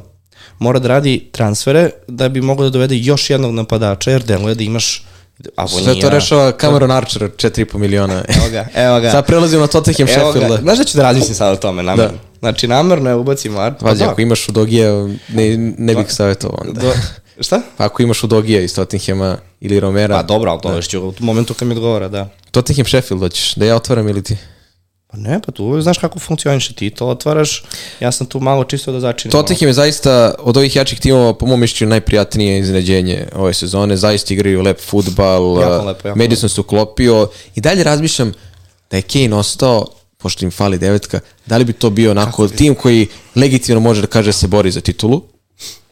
Jer ove sezone bukvalno su sve poboljšali sve delove terena osim napadača koji, koji ih dalje nemaju. Rišalio sam prosto se ne snalazi na toj poziciji, čak više delo da nema toliko, da je ono maler da je posljednje golove zapravo dao Srbiji na svetskom prvenstvu. Je li istina ono što je on izjavio, ili sam ja, ili to neki... Da, da hoće kod psihologa, kod psihijatra? Da, je li to legitimna vest ili mi to negde meni iskočilo samo... Moram da proverim, izašla je vest, ali nešto, dva gola su mu poništena sad dok je nastupao za Brazil. Zaista onako...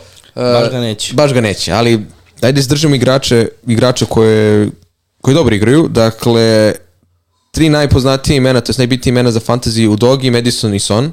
Apsolutno. Uh, ako ih sad ne dovodimo u naš tim, zato što u naredna dva kola, to je nakon ove utakmice sa Sheffieldom idu dva teža meča, da mislim igraju sa Liverpoolom. Uh, sad će i... da ti kaže statistika, Arsenal Liverpool. Arsenal- I to Arsenal, Liverpool. gostima, dakle, njima najteži derbi u sezonu. Od osmog kola će biti idealno da se takvi futboleri našu nađu, na, nađu u našim timovima, jer igraju sa Lutonom, Fulhamom, Crystal Palaceom, Chelseaom i Wolvesima. U, lep raspored. Jako, jako, lep raspored. Sa tim što ofanzivno uopšte ne mora raspored da utiče na biranje igrača. Dakle, Sony Madison pre svega su igrači koji mogu i Liverpoolu i Arsenalu da naprave određeni problem. Tottenham ne igra u Evropi, to je jako bitna stvar. Dakle, nema nekog preteranog straha od nekih većih rotacija, nije da oni imaju neki preterano širok igrački kadar da, da to mogu da rade, ali će uvek sveži dočekivati njihove protivnike. Evo, već u sledećem kolu, uh, kad igraju sa, samo da vidim da li sa Arsenalom i Liverpoolom, igraju sa Arsenalom u gostima. Arsenal igra Ligu šampiona. Dakle, mislim sa igraju sa PSV-om. Okej. Ajde da kažemo da sam pogodio. Mora proverim. Prihvatit ćemo odgovor, da. Naravno, najbitniji igrač tu za početak je Madison. Dakle, četvrti veznjak u ligi po tom učešću, očekivanom učešću u golovima. Son je bio napadač na prošloj utakmici, dakle igra je tu devetku i postigao je hat-trick. To je krucijalno pitanje. Mene tu Mislim da zanima. je najviše ljudi dovelo da. Sona u ovom Zbog pred- toga. kola. Ja iskreno ne verujem da će e, posle Kugla da digne ruke od Richarlisona i da će da Son bude permanentno rešenje za devetku. Uh, svakako očekujem da će više puta to pokušavati tokom ove sezone, ali Barnley je bio dosta ofanzivniji nego što očekujem da će Sheffield to da bude. Ne bi me čudilo se Sheffield poprilično onako zacementira uh, i Oni će da, to 100% da urade. Meni delo da ovaj meč može bolje za Madisona da nekim prekidom razbije odbranu nekim golom sa Da. 20 metara, ali Son kao devet, kako bude delova kao neko ozbiljnije rešenje da, da će više da igra na toj poziciji, zaista se ponovo vraća u ozbiljne fantasy krugove. Već sad ja razmišljam o tome da ga dovedem pre svega da. i kako zbog rasporeda u, posle osmog kola, tako i zbog toga što na toj poziciji gde ima i iza sebe Madison, još par igrača koji mogu da mu pakuju lopte na tacni, zaista postoje kvalitetno rešenje, još se vodi kao igrač sredine terena. Ne, ne samo to, nego imaš i dobru zamenu sa Sona što se tiče krila. Dakle, ja ne vidim argument Tu da je sad i sada- Brennan Johnson. Apsolutno, to, to hoću da. s vreme da spomenem. On je doveden garantovano kao neko, neko će da se sa, sa Sonom ili Koluševskim ganja po krilima, nego neko ko će preuzeti tu poziciju i Son igrati špica. Ja imam baš kontra mišljenje od tebe, mislim da je on digo ruke od Richarlisona kao primarnog napadača, jer onda je, onda je hteo drugačijeg napadača od Richarlisona. Doveli bi ga verovatno... Doveli bi neku opciju. On hoće nekoga ko je agresivan i na taj način igra. Da. E sad, pazi To ovo. on može da radi. On, on je takav igrač, on nije klasična devetka kao što je bio Kane. E sad, pazi, ovo glavni razlog zašto je razmišljam o dovođenju Sona. Tottenham je peti u ligi po broju šuteva, udar, upućenih udaraca ka golu protivnika unutar 60 terca. A Sheffield je drugi najloši tim po dozvoljenim udarcima ka svom golu unutar 60 terca. 56 su dozvolili. Dakle, Uh, neko bi rekao idealna šansa za Richarlisona. ovaj, ali... Madison i Son onako vrve, dovedite nas, dovedite nas, dovedite nas. I ovo kolo, City gostuje West Hamu, da li može da kažeš da Čekaj. je vredno rizika da se kapitanska, da, kapitanska traka da Madisonu ili Sonu? Za tim što je Haaland, to ako, mene- ako, ako se držimo tradiciji, Haaland je prošle godine dao Hamu je. dva gola u gostima i u petnom kolo isto postigao hat-trick. Ako preslikava prošla sezona, da. tako je krenuo, boga mi. Da, tako da to su isto neke zanimljive teme i još jedno pitanje ovako za sve, da li su Romero, Kuluševski, Vikario vredni diferencijali kako za ovaj sadašnji trenutak protiv Sheffielda ili da se čeka neko osmo kolo, Romero je postigao dva gola, naravno niko ne očekuje da će ovim tempom da on postigne 18 golova na uh, 36 utakmica, ali prosto treba razmisliti, to je Zna, 19 evo, 38. šta, šta je neko moje razmišljanje? Ako se ispostavi da će Son pretežno igrati špica, ili ako ne igra toliko špica, ali donosi golove i bodove kao špic, vidi, znaš ako, on, on je imao hat-trick sada.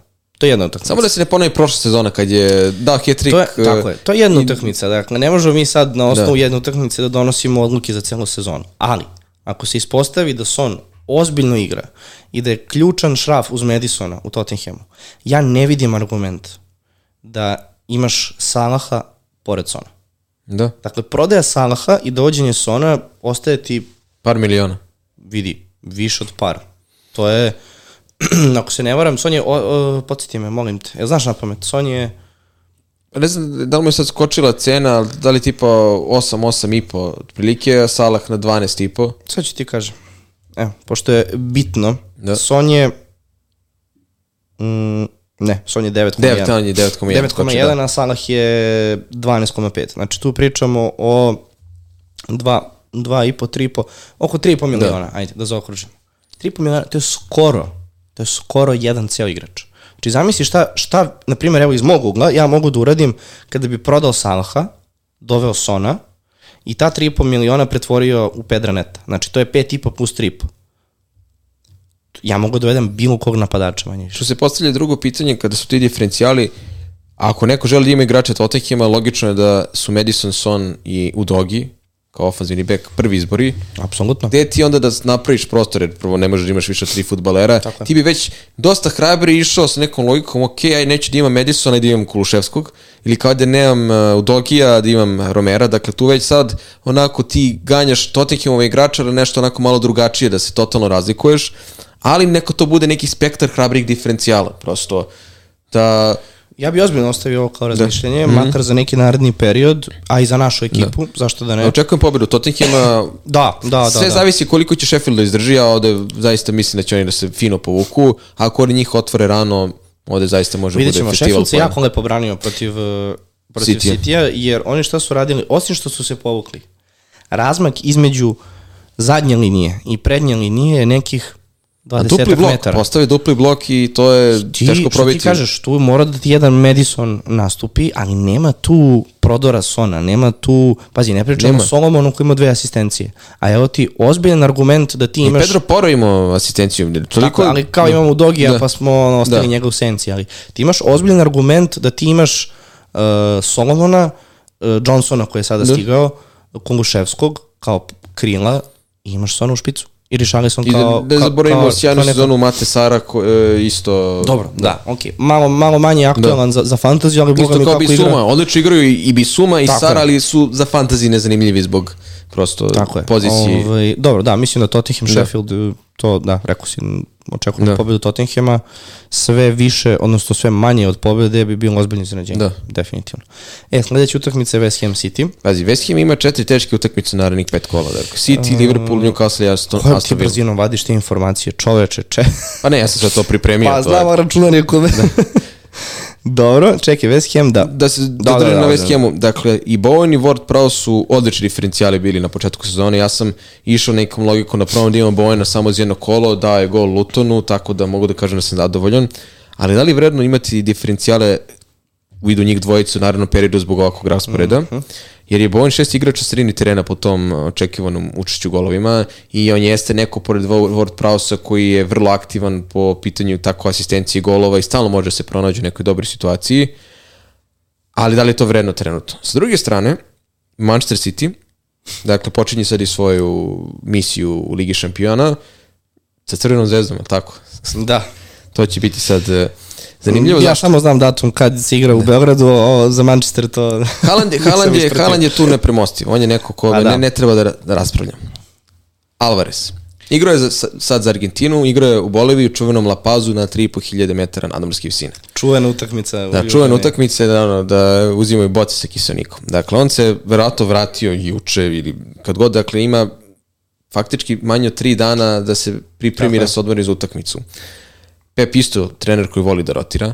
Mene zanima prvo koliko će on da rotira za duel sa Crvenom zvezdom, jer ja verujem, ne sad ne bude da ja nešto tu uh, prosto degrade na Crvenu zvezdu, da on može da izrotira određen broj futbolera na toj utakmici da bi City u narodnom kolu manje, manje istrpeo što, se tiče rotacije, jer ipak i dalje ima problem sa tim povredama, ne znamo šta je sa Grilišom, De Bruyne nema, tako da E, da. Meni ovo miriše kao utakmica da bi mogao Alvarez da počne sa klupe, pre svega zbog toga što je dosta proputovao, i da se eventualno na utakmici sa Crvenom zvezdom u Ligi šampiona tu zarotira da on bude starter. Možda da Haaland dobije odmor, ali on Haaland uglavnom ne dobija odmora. Mislim da će tu isto početi sa dvojicom. I zato meni ova utakmica sa West Hamom deluje jedna idealna za Phila Fodena, koji je bio strelac iz Englesku, da prosto konačno donese veći broj poena posle svih tih kako promaše, to jest odličnih utakmica gde nije toliko naplatio sjajne partije. Imaš tu dva argumenta što se tiče Lige šampiona. Prvi je da Guardiola uh, voli da start grupne faze odradi, da kažemo, besprekorno, da bi posljednje dve utakmice u grupnoj fazi mogao malo da smanji gas. Ali on je uvek, I to uvek radi. Ja ne znam da, da li sam to loše primetio. Sjeti se tipa Mareza, koji je gotovo uvek počinio Ligi šampiona, ali zato bio na klupi u Premier Ligi. To, taj, te neke rotacije, da si jedan dobar igrač faktički... Jeste, ali ko je igrao finale na tom krilu Lige šampiona? Znači, kad su bi, kad, protiv Realna Bitno, da. polufinale, kad je bitno, nije bio Dobro, Marez u igri. ali da računamo na prvo meč, prvi meč otvaranja sezone, dakle bitna utakmica. Dakle, nema Ja prostora za se rotaciju. stvarno ne bi iznenadio da City izađe puno, što se kaže, sa punom vratnom opremom protiv Zvezde na Etihadu. Bez pretrivanja.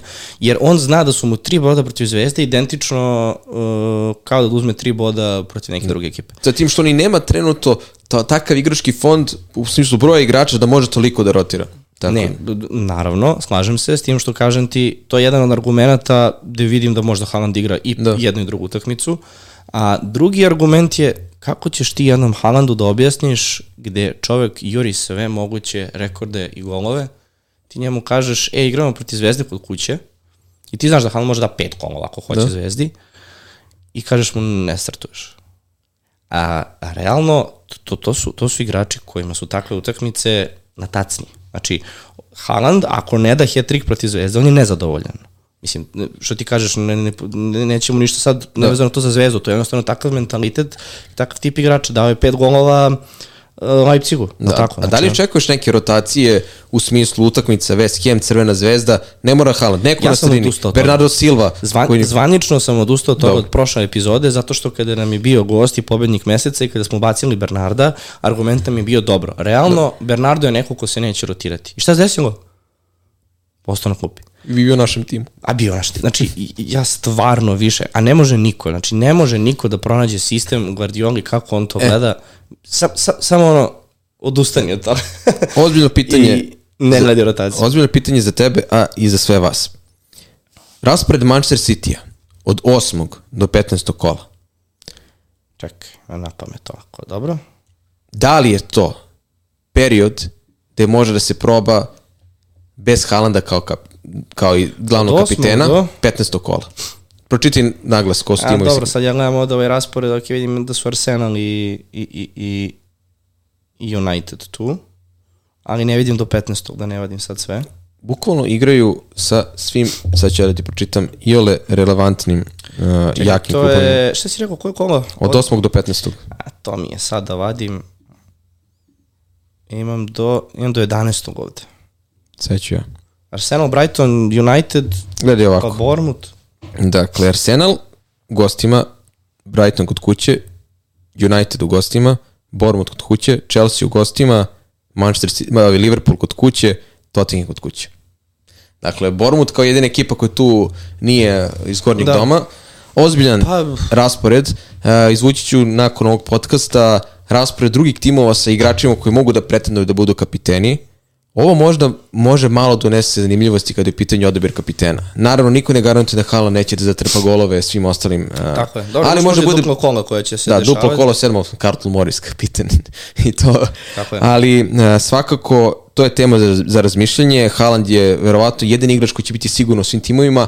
Ne bi me čudilo da on bude jedini u tom periodu da se nema ni, ni Akanđija, da nema ni Fodena, nema ni Alvareza, da ljudi u tom periodu smanje broj City-ovih futbolera jer imaju ozbiljan raspored i da se fokusiraju na timove sa boljim utakmicama. Pa evo, vidi, mislim, ja jedinu situaciju koju trenutno vidim to je deseto kolo kada Arsenal igra protiv Sheffielda, a u desetom kolu City igra protiv Uniteda, pa da kažeš derbi. Mislim Ali... da sam izvuku, ima, ima još par stvari koje sam onako... Mislim da nam je malo daleko taj period da možemo da pričamo o tome. Ima, na primjer, u devetom uh, kolu Tottenham dočekuje Fulham, Liverpool, Everton. U Znam, 12. Znam, da radiš? Ako će do, do 8. ili 9. kola Haaland ima 15 kola. Ja, Primera radi. Niko, kako, niko to ne spori. Ćeš... Verovatno će Haaland biti kapitan meni na većini tih utakmica, ali ja pričam o opcijama malo hrabrije. da, da malo Dobro. hrabrije 12. kolo, Arsenal, mogu, Barney, mogu United, Luton. A dobro, mogu i ovo kolo, evo, Arsenal da. igra protiv Evertona, znači da. Liverpool, Wolverhampton. Mogu i ovo kolo da probaju, Tottenham, da. Sheffield, evo, Tottenham. Ali očekaš pobedu City-a protiv West Hama? Uh, da, ali ne toliko, očekujem da će West Ham dati gol, ako ne Dobar, čak i dva. to je standardno za Manchester City, primjer neki tako gol. Da, ali čak možda i dva. Ne bi me čudilo. Da će Kudus da startuje konačno. Pa da, možda startuje, vidjet ćemo. Baš me zanima kako će da izgleda, da će bude desetka onako sa većim Pa Kudus je ozbiljan talent i partije koje pružu u Ajaxu da. su ozbiljne, ozbiljne. Meni stvarno nije jasno kako on nije došao u Brighton. To, on bi bio fantastično. Da ja, Fati i Kudus. Pa dobro, da. bez, onda verovatno Fati ne bi dolazio ako dolazi Kudus. Ali onda je došao u Brighton. Pa, u, pa to bi bilo stvarno... On bi onda zauzeo stvarno da. poziciju iza napadača. Da li, ti misliš, to... da li ti misliš da ne treba imati City-eve defanzivce na fantaziju? Evo kao Pa pazi, ja propagiram od početka sezone da nešto što će napraviti razliku ove sezone, da. City u odnosu na druge ekipe, upravo to odbrana. Jer očekujem da će dobijeti upravo 1-0, 2-0. Da je to prime goli protiv Fulhama i protiv Sheffield. Ok. Da. Vidi da sam u pravu, ne bi sedeo ovde, nego to je ono, ono bio... prošle sezone što smo pričali iz Edersona.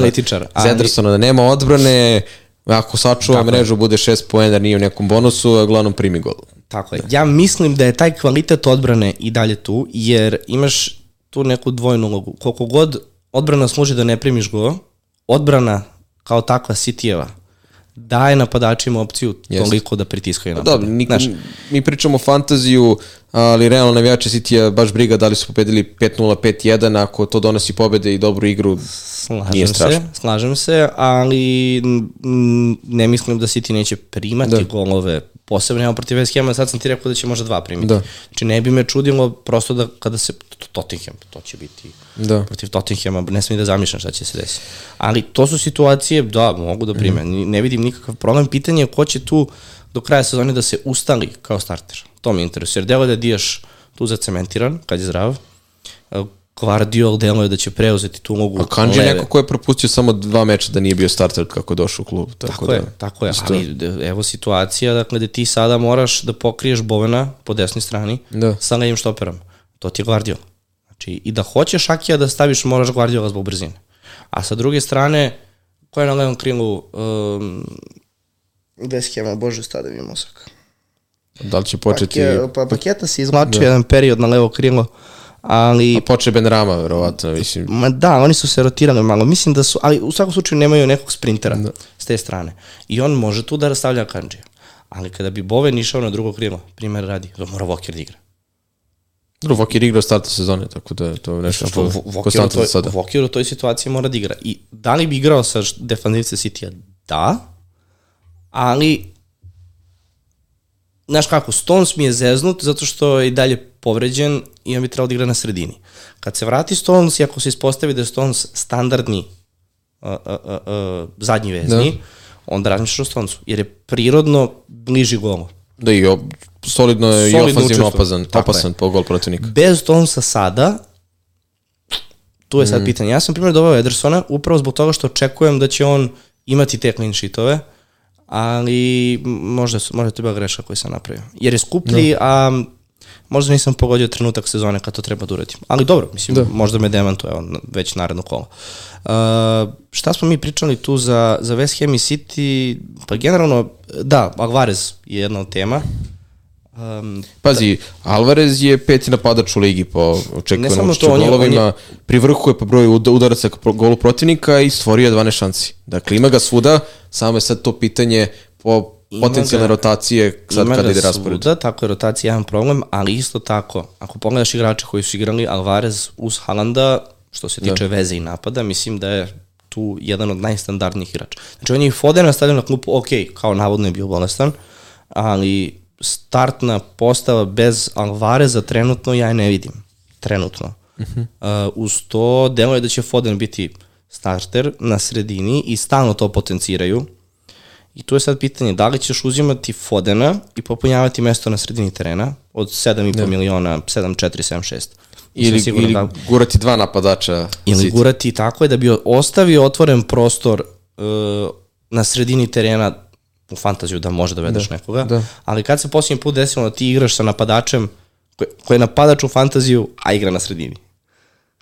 Da. Redko. Retko. Ali Alvarez tako igra da on maltene ono, i, i drugi napadač i, i, i ve, šta god treba po potrebi. Tako da brojevi su tu. Svuda ima po terenu, dakle, počevši od kreacije pa do završnice, tako da to su igrači koji su po prirodi zanimljivi za fantaziju. Vidjet ćemo kako će to izgledati kad se vrati Kevin, to će da. onda biti još dodatno pitanje ko ostaje u ekipi, ko ne.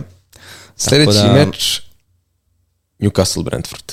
Newcastle, Brentford, da. Loš početak sezone Newcastle-a uopšte ne treba da nas previše zavara. Dakle, od 6. do 12. kola, dakle, to je već od sledećeg kola, idu Tako. Sheffield, Barnley, West Ham, Crystal Palace, Wolves i Bournemouth. To je jedan sasvim ozbiljan raspored. To smo čekali, znali smo da. starta sezone da. da čekamo taj period za njih. Ono što je argument, to je neki vid velikog rizika, a ne mora bude ni veliki rizik. Rizik jesu rotacije i Liga šampiona koji igra Newcastle. Dakle, tu su, po mojom mišljenju, meni lično najzanimljivije rotacije kako će Isak i Wilson da se rotiraju, pošto očigledno ove sezone neće počinjeti zajedno u start 11, uglavnom će rotirati. evo, Da li će, da li će jedan od njih igrati Ligu šampiona, drugi Premier ligu, da li će se tu rotirati, što može bude veliki problem za vlasnik Isaka ako se desi na nekoj utakmici protiv, ne znam, Sheffielda, da je očekuju bodove, počne Wilson i on uđe u nekom 70. minutu i ne uradi ništa, donese jedan poen. Druga bitna stvar, svakako mislim da treba imati defanzivce uh, Newcastle. Dakle, Trippier, pored lošeg starta, drugi defanzivac po broju kreiranih šanci. Dakle, ja sam ovde stalno ponavljao kako njega Tonali davi, što u jednu ruku jeste tačno, ali Trippier i dalje je neko ko može sa nekim dubokim loptama, centar šutevima iz prekida da ugrozi gol protivnika ili da asistira nekom njihovom igraču. A neka druga varijanta su jeftiniji Botman i Sher, skoro za 2 miliona, neko i jeste 2 miliona jeftiniji, koji nisu toliko opasnost, ali je Sher neko ko je na prekidima poprilično blizu toga da dohvati loptu i neko ko može sa iz zadnje linije takođe da dubinskim loptama angaža nekog od krila i napadača. Drugi rotacije koje mene tu zanimaju, Gordon i Barnes, dakle oni su se tu sad rotirali, Gordon ima prednost, da li će u nekom trenutku Barnes da bude u startnih 11 i da li će Livramento u nekim utakmicama da Trippier uzme Krade minute, jel? krade minut. To može bude isto pogubno ako nekoj utakmici Premier Liga ili Vremento bude starter. I dalje ne verujem da će to da bude. Može čak pre u Ligi šampiona, ali su to neke stvari koje moramo da razmislimo. Druga stvar, Newcastle je druga najodbr najbolja odbrana ligi pored, posle ovakvog početka sezone. Dakle, druga najbolja odbrana ligi kada su u pitanju stvorene velike šanse protiv njih i šesta najodbrana, najbolja odbrana lige po broju očekivanih primljenih golova.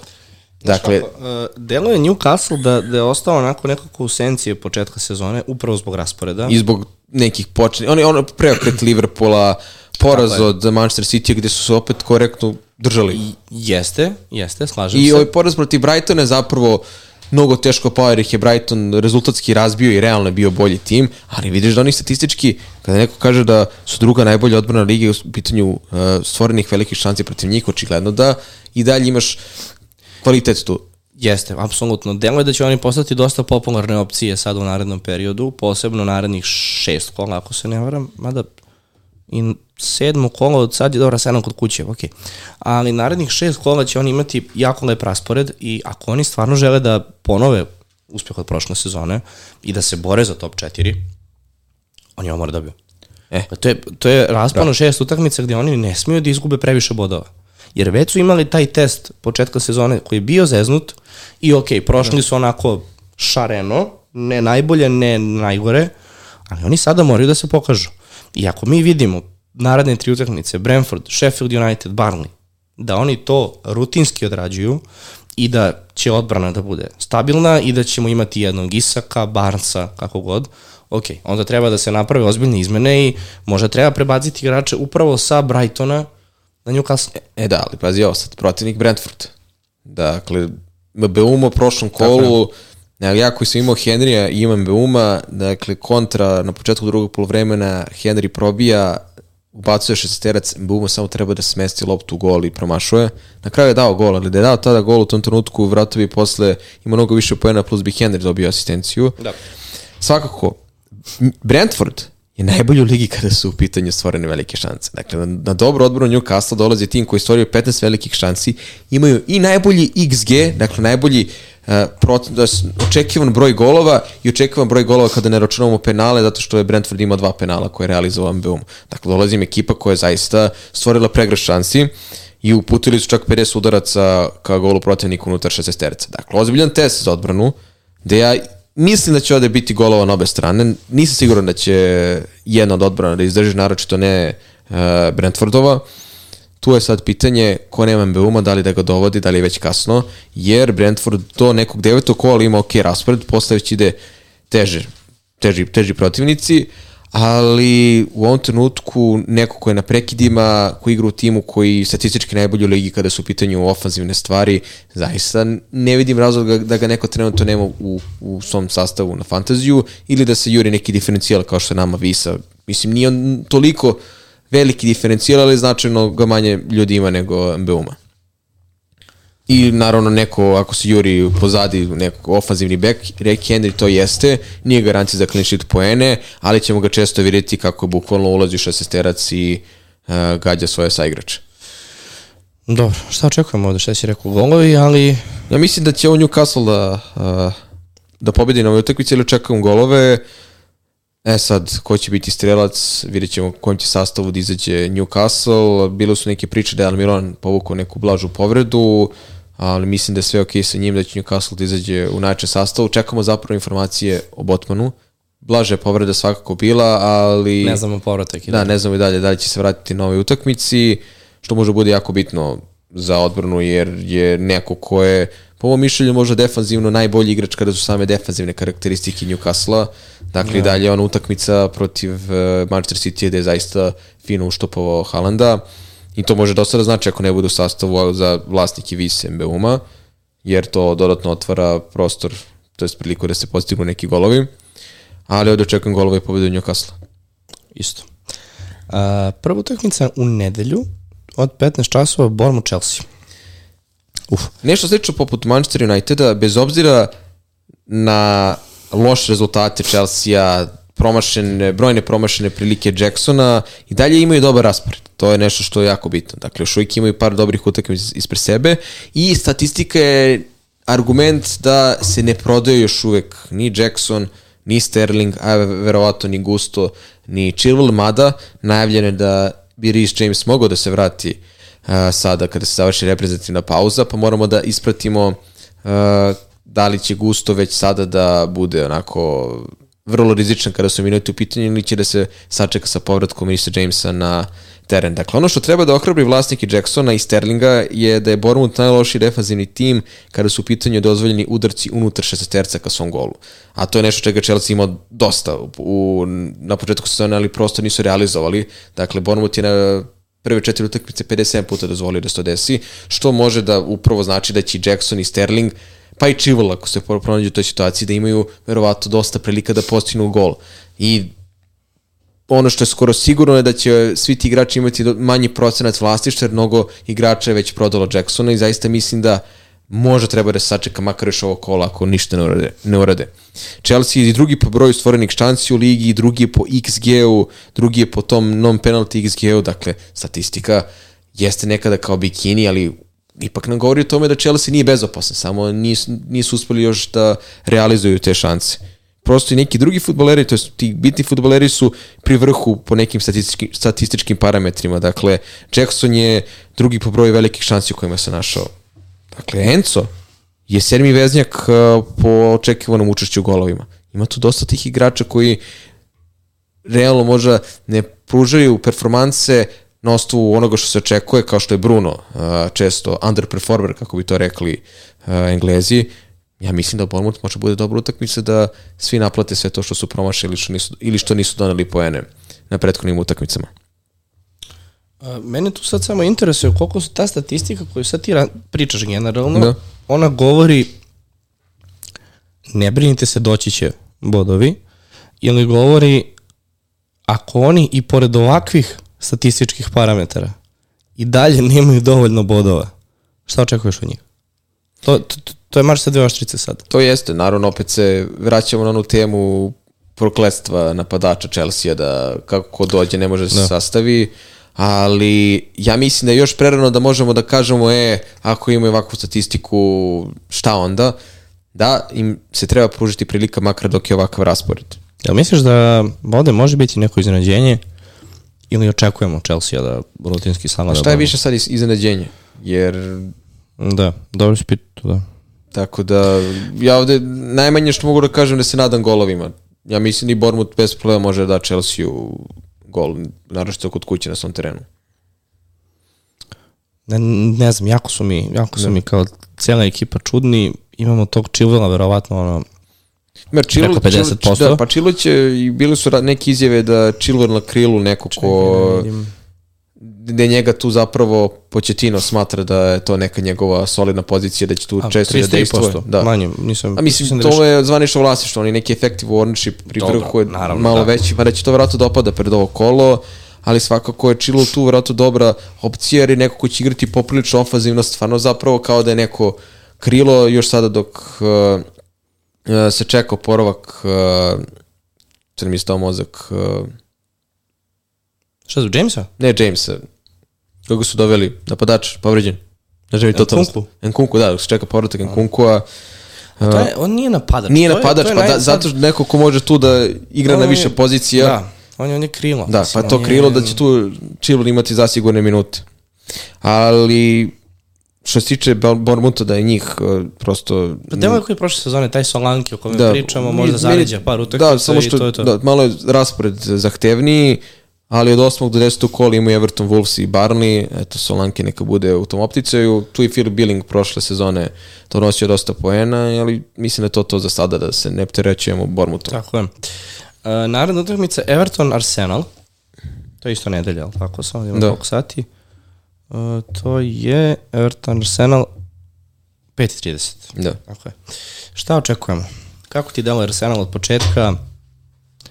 Štucaju, ne štucaju, i dalje znaju šta rade, malo sreće, Jel ti- nema sreće. Jel ti znaš da Arsenal nije slavio na Goodisona od kako Wenger nije trener?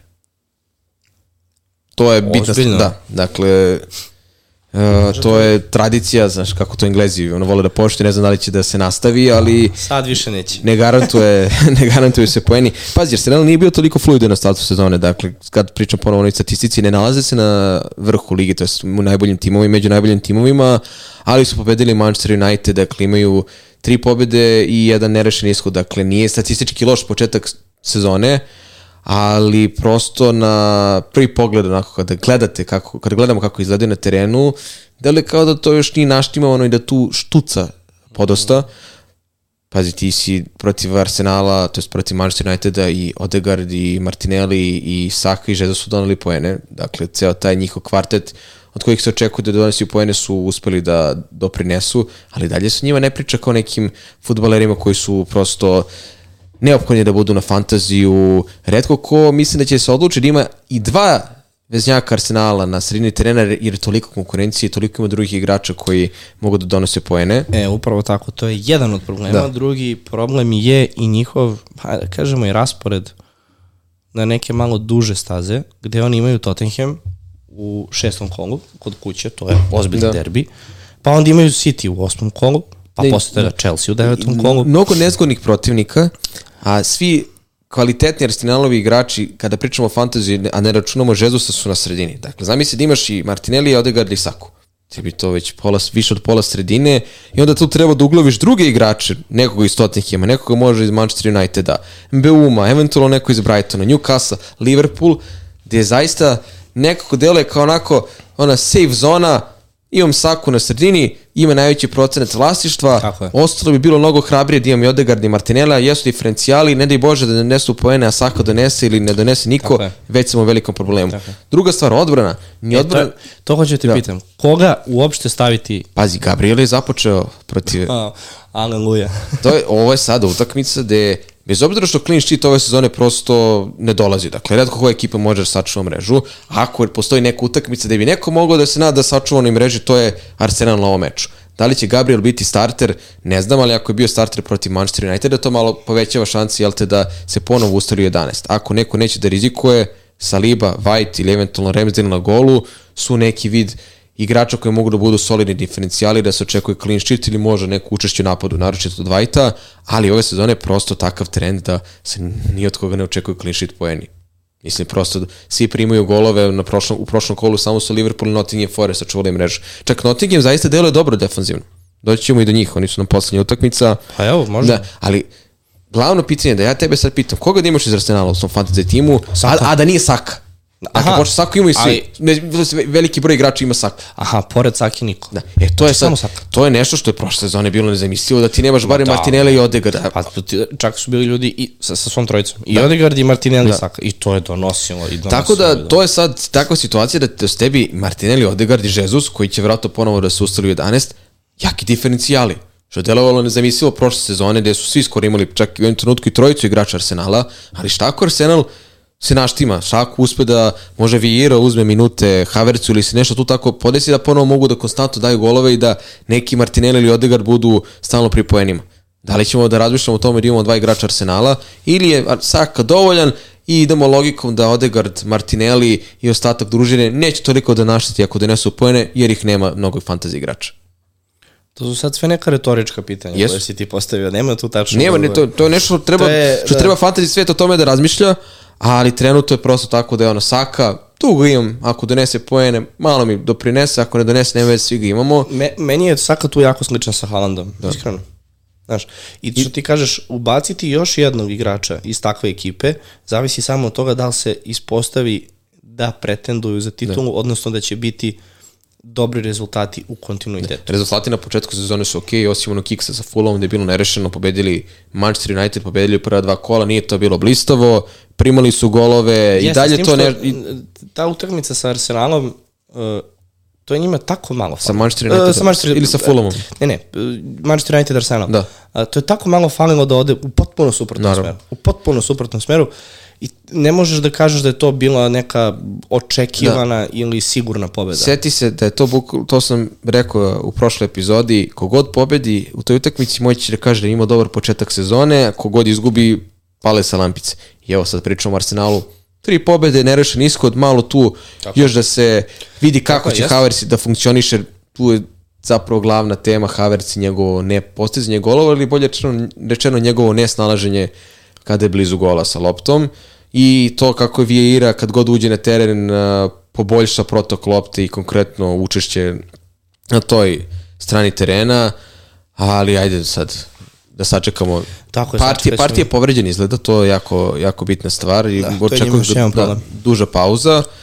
To mora da se isto isprati kako će to da se sad, uh, a kako će se da se nađe sa tim jer su već izgubili Timbera, ali eto, ajde, vratio se Jesus, vrlo moguće da će da Nketi ponovo minuti budu limitirani i zaboravljamo Trosara koji je u trećem planu. Ako su ovi Martinelli, mm. Odegaard i ostali u drugom planu, Trosar je totalno u trećem planu, a bio je najavljen kao neko ko bi mogao da bude jak diferencijal ove sezone. Ali dobro, tek je četvrto kolo, trenutno je takvo stanje što se tiče Arsenala.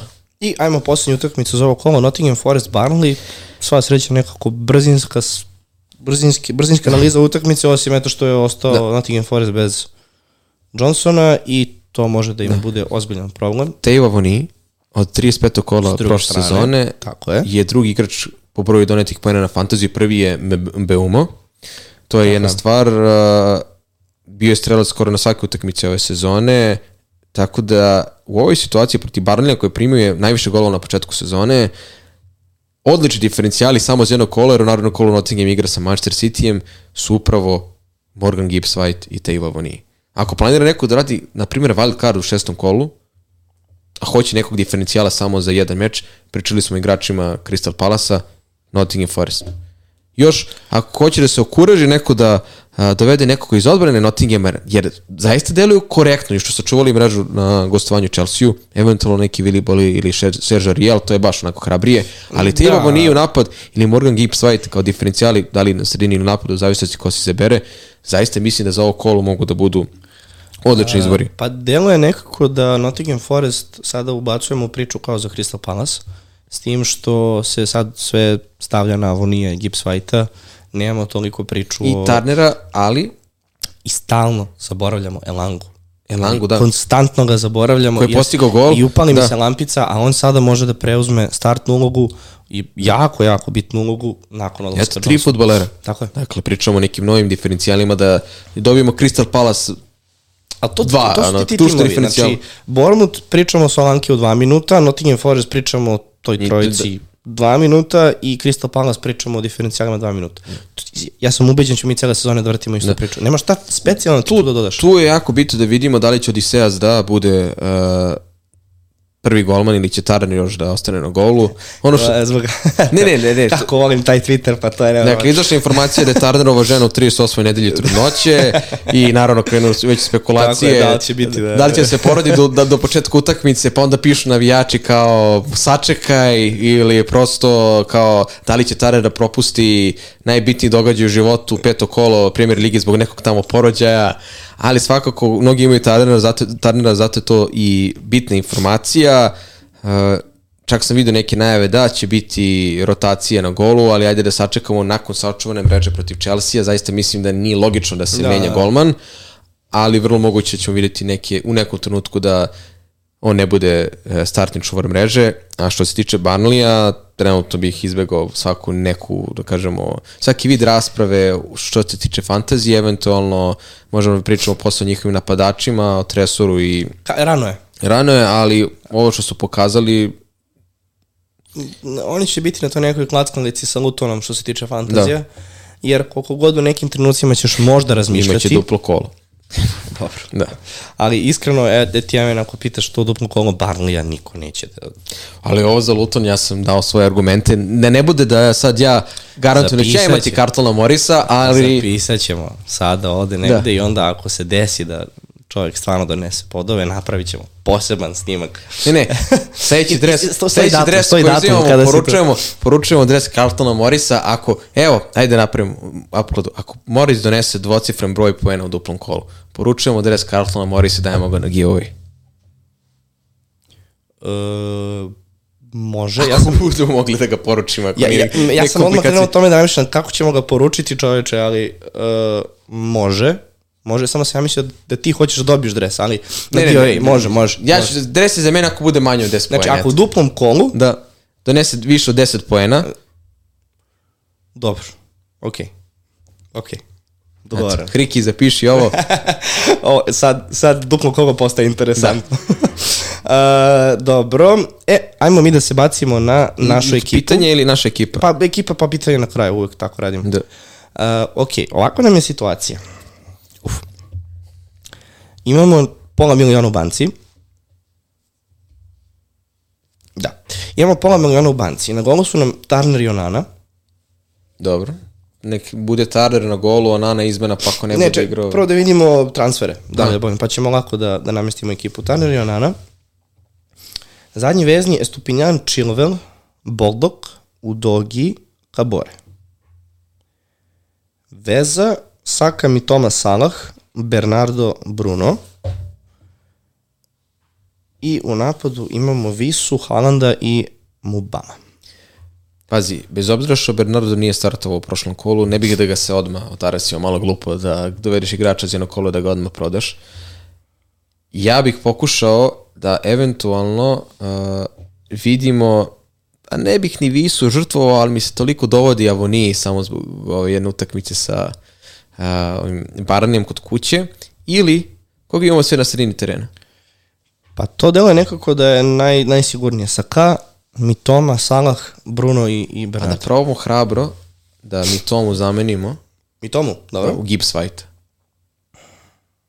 Jer A, siguran sam da počinjemo sa Chilwellom i Stupinjanom u Dogijem, dakle sa tri defanzivca pozadi. Dobro. Sa pet igrača na sredini terena i sa Haalandom i Visom. Dakle, Visom, da. dakle meni tu deluje da ako ćemo da dovodimo nekoga, jer idemo logikom da držimo Bernarda Silvu makar još ovo kolo, Aha. pa ćemo na nekom wild cardu da ga izbacimo ako ne bude imao sigurne minute ili do, donosio neki učinak. Dobro. Da mi Toma ili Visa budu ti koji su za vađenje, da možda dovedemo Beuma, jer ga nemamo, ali da li je to već sad vredno dovođenje? jer Pa imamo uskoro- Visu. Da, imamo Visu, nek nam bude kao neki vid zaštite, ili da prosto mi Tomu sa svim onim argumentima novog teškog rasporeda da potencijalnih rotacija, ali kao mi Toma je najsigurniji tu vjerojatno sa minutima, da ubacimo nekog Gibbs White-a. Znaš ako mi tomu ima 40%. Mene A malo dobro, brine... to je effective ownership je mnogo veći, znaš, ali da, Dobro, ovo je informacija koju ja imam. Dakle, mene tu brine da možemo ozbiljne, ozbiljne bodove da izgubimo. a šta ako White donese ozbiljne, ozbiljne bodove? E pa, šta? Ali šta ću da radimo iz- izmenu samo za jedno kolo, jel? Znaš, ako hoćeš da ne napravimo izmenu, idemo sa ovim timom onda. Pa ne, ja jedino razmišljam o opciji, ovo što smo pričali, da li ostavljati Salaha, Sona, da li... Da Salaha vadim pred Wolves. Pa ne nužno sad. Dobro, Ali- pričamo sad o ovom kolu. Ne, ne, okej, okay, ali ako bi, na primjer, išli da menjamo Salaha sledeće kolo, pa onda pare koje nam ostanu da menjamo za još nekoga, mi možemo opet da ostavimo free transfer. Pa dobro, znači ne, ne primimo nijedan transfer.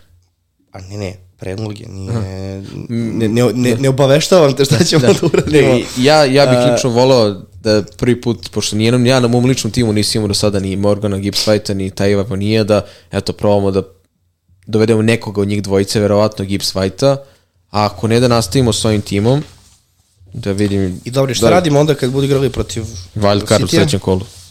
Da radimo wild card. Imam, ide, ide uskoro promena rasporeda mnogih timova. Wild card. Šta uradi, bre? Pa molim te, pa polako. Uništava opremu, uništava studio, bože. Uh, Izervirao se, nećeš Gibbs White-a. E, samo podigni malo e, to, tako. A, zato što zaboravljaš sledeće kolo, ako ćemo igrati wild card, ostavljamo gostu da odradi wild card. Dobro, da, onda, onda, onda A ne znam da li će ti se to svideti. um, Šta ti kažem to predlažeš? je- Pa vidi, možemo mi da odigramo Gibbs White umesto mi tome, nije to problem. Ali onda ne znam da li možemo da očekujemo card jer ne znamo šta će gost teti da uredi. da. Znaš. Um, kažem ti, meni je tu samo neka ideja, taj Salah ima dobar raspored, ali da li njega... Ja ga, stvar, ja, ja ga stvarno ne bih vadio, jer je doneo poene na svakoj utakmici, Da, nekako da mi zaista... ostavimo možda znači, do te tog Ali, uh, ali ima dobar raspored. sedmog da- kola sa, sa Da, Tottenhamom ali, da, ali, odigrali. ali on posle ima dobar raspored. Ne, ne vidim pointu da ga vadim ako će od devetog kola da ima dobre utakmice. Sad, zaista, već, ako ga već sad imamo od početka, neko Može, ostane tu. može, Dakle, okej. jedin, jedino koga bih vadio dugoročno, eventualno mi Toma zbog težeg rasporeda, ali opet utakmica sa Manchester Unitedom je takva da je bez problema može da bude i dvocifren.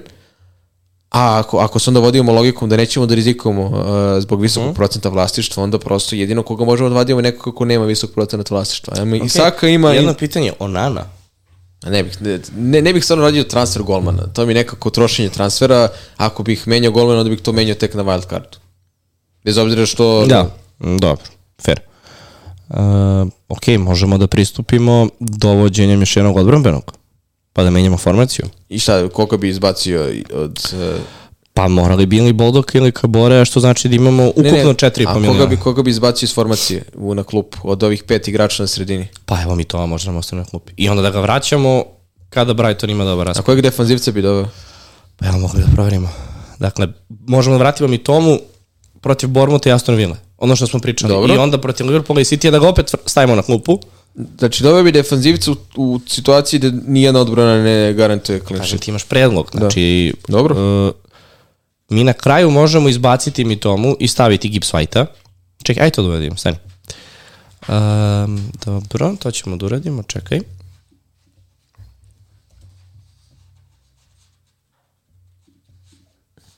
Dovedemo Gabriela naste.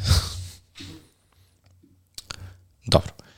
I ti sada imaš situaciju gde Gibbs White igra protiv Barlija Sledećem kolu igra sa City. To sa jest, da. Cityjem. i onda možemo ili da ga m, stavimo na klupu, Da. ako ne igramo van Ili kart, da računamo da će naš klub nešto da uradi. Da. Ok, pa onda Brentford, Crystal Palace, Luton. Realno, svuda i tekako može da donese poen. Jeste, znaš što mi se isto ne sviđa? Što igramo već sa dva diferencijala. Imamo Gibbs, White i Bernarda. Pa, znaš, mislim, da, jedino da bi Bernarda vadim, ali već kad je doveden, ne želim da ga odmah. To mi je baš onako, Da. džabe smo ga dovodili onda. Pa vidi, u toj situaciji mi možemo ovako da uradimo i onda u narednom kolu, ako vidimo da to ne ide, imamo 1,1 milion. Možemo da Imamo i ubacimo... wild card. Imamo, dobro. Da, ako gost bude želeo. Imamo opciju da dovedemo defanzivca, imamo opciju da menjamo Bernarda, ako se ispostavi da opet neće startovati. Hoćemo to onda, a? Šta smo odlučili na kraju? Gibbs White, ili ako hoćeš da ubacimo napadača uh, Lutona. Um, umesto visi? Ume- Kako su mu se oči ozarile. Ne bih još, neću da, da me posle napadaju kako... Ali vidi, uh, to ti je dakle ne naredno, nego ono tamo kolo. Da. Znači ako bi to radili, onda bi možda mogli da radimo van kar tada. Za sedmo kolo, taman tad je duplo kolo. Da. I onda natrpamo tri igrača. I onda- Banlija tri igrača Lutona. Pa ne, pa ne. Šalim se naravno. Ali možemo onda tada radimo van card, a u narednom kolu da uradimo jednu izmenu. Može. Primjer radi. I onda ako znamo da ćemo igrati van card, šta si rekao, to je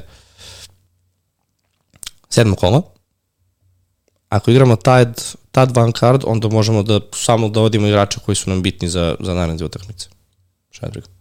A to su ti onda, da, Gibbs White i u narednom kolu možemo nekoga iz Newcastle.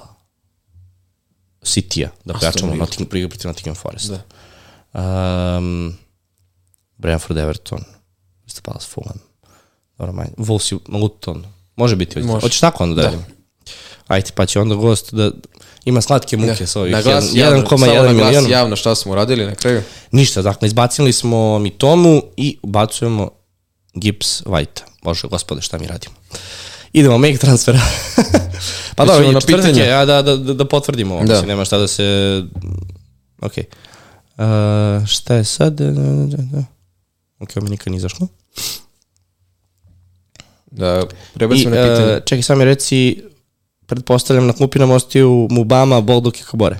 Šta radimo sa golmanom? Onana ili Ja bih Turner? stavio Tarnera, pa ako ne bude igrao, svakako će Tarner, svakako će Onana ući, bez obzira što ne očekujem neki bodove od Onane. skroz, skroz legitimno. E, dobro, i kapitan Kapitan? Uh, Haaland. ostaje valjda. Da. Vice captain. Stavi Salahu. A pitanje? A da imaš Saku protiv Evertona kod kuće. Ne bude Vice Keep, da, Imaš Udogija. zar nije Sheffield. Saka u, u gostima? Da. Rekao si kod kuće. Ne U gostima, u gostima. Ali imaš Udogija kod kuće protiv Sheffielda. Da, da, kapitan, Vice Captain bude u dogi. Molim? Pa neko je to sigurno radio do sada. Da. Ili hoćeš Tarnera, da ga stavimo na, na Vice captain kao kad je već, da, da mu čestitamo. Dobro, ne, nisi za šalu. Okay. Uh, stavit Kad si ćemo. rekao molim, setio sam se jedne druge opaske. Tako, ne, kad je jedan pevač gostovao u nekom ne, showu. Ne, što, što, ko ne, ne znam, reci. ono Aca Lukas kad je gostovao, ono kad je rekao molim, Molim? što smo ne prodali, ne, ne, ne. Dobro, ovo ne ide u bloopers, ovo ide na TikTok. Evo sečemo. Uh, dobro, make vice captain, to je to. Ok, uh, namestili smo, namestili smo postavu pitanja. Može. Pitanja kapitan XD. Ne znam da li ono kao na XD naš, oni smiley. Pa sigurno. Da, to je Pa to. je verovatno, dakle, od Halanda, Sake, nekoga od Madisona i Sona, to su neke opcije, ali Haaland kao neko je sigurica uvek zbog velikog procenta vlastištva. Mislim da će solidni diferencijali biti Saka, Madison, Son i možda čak i Salah.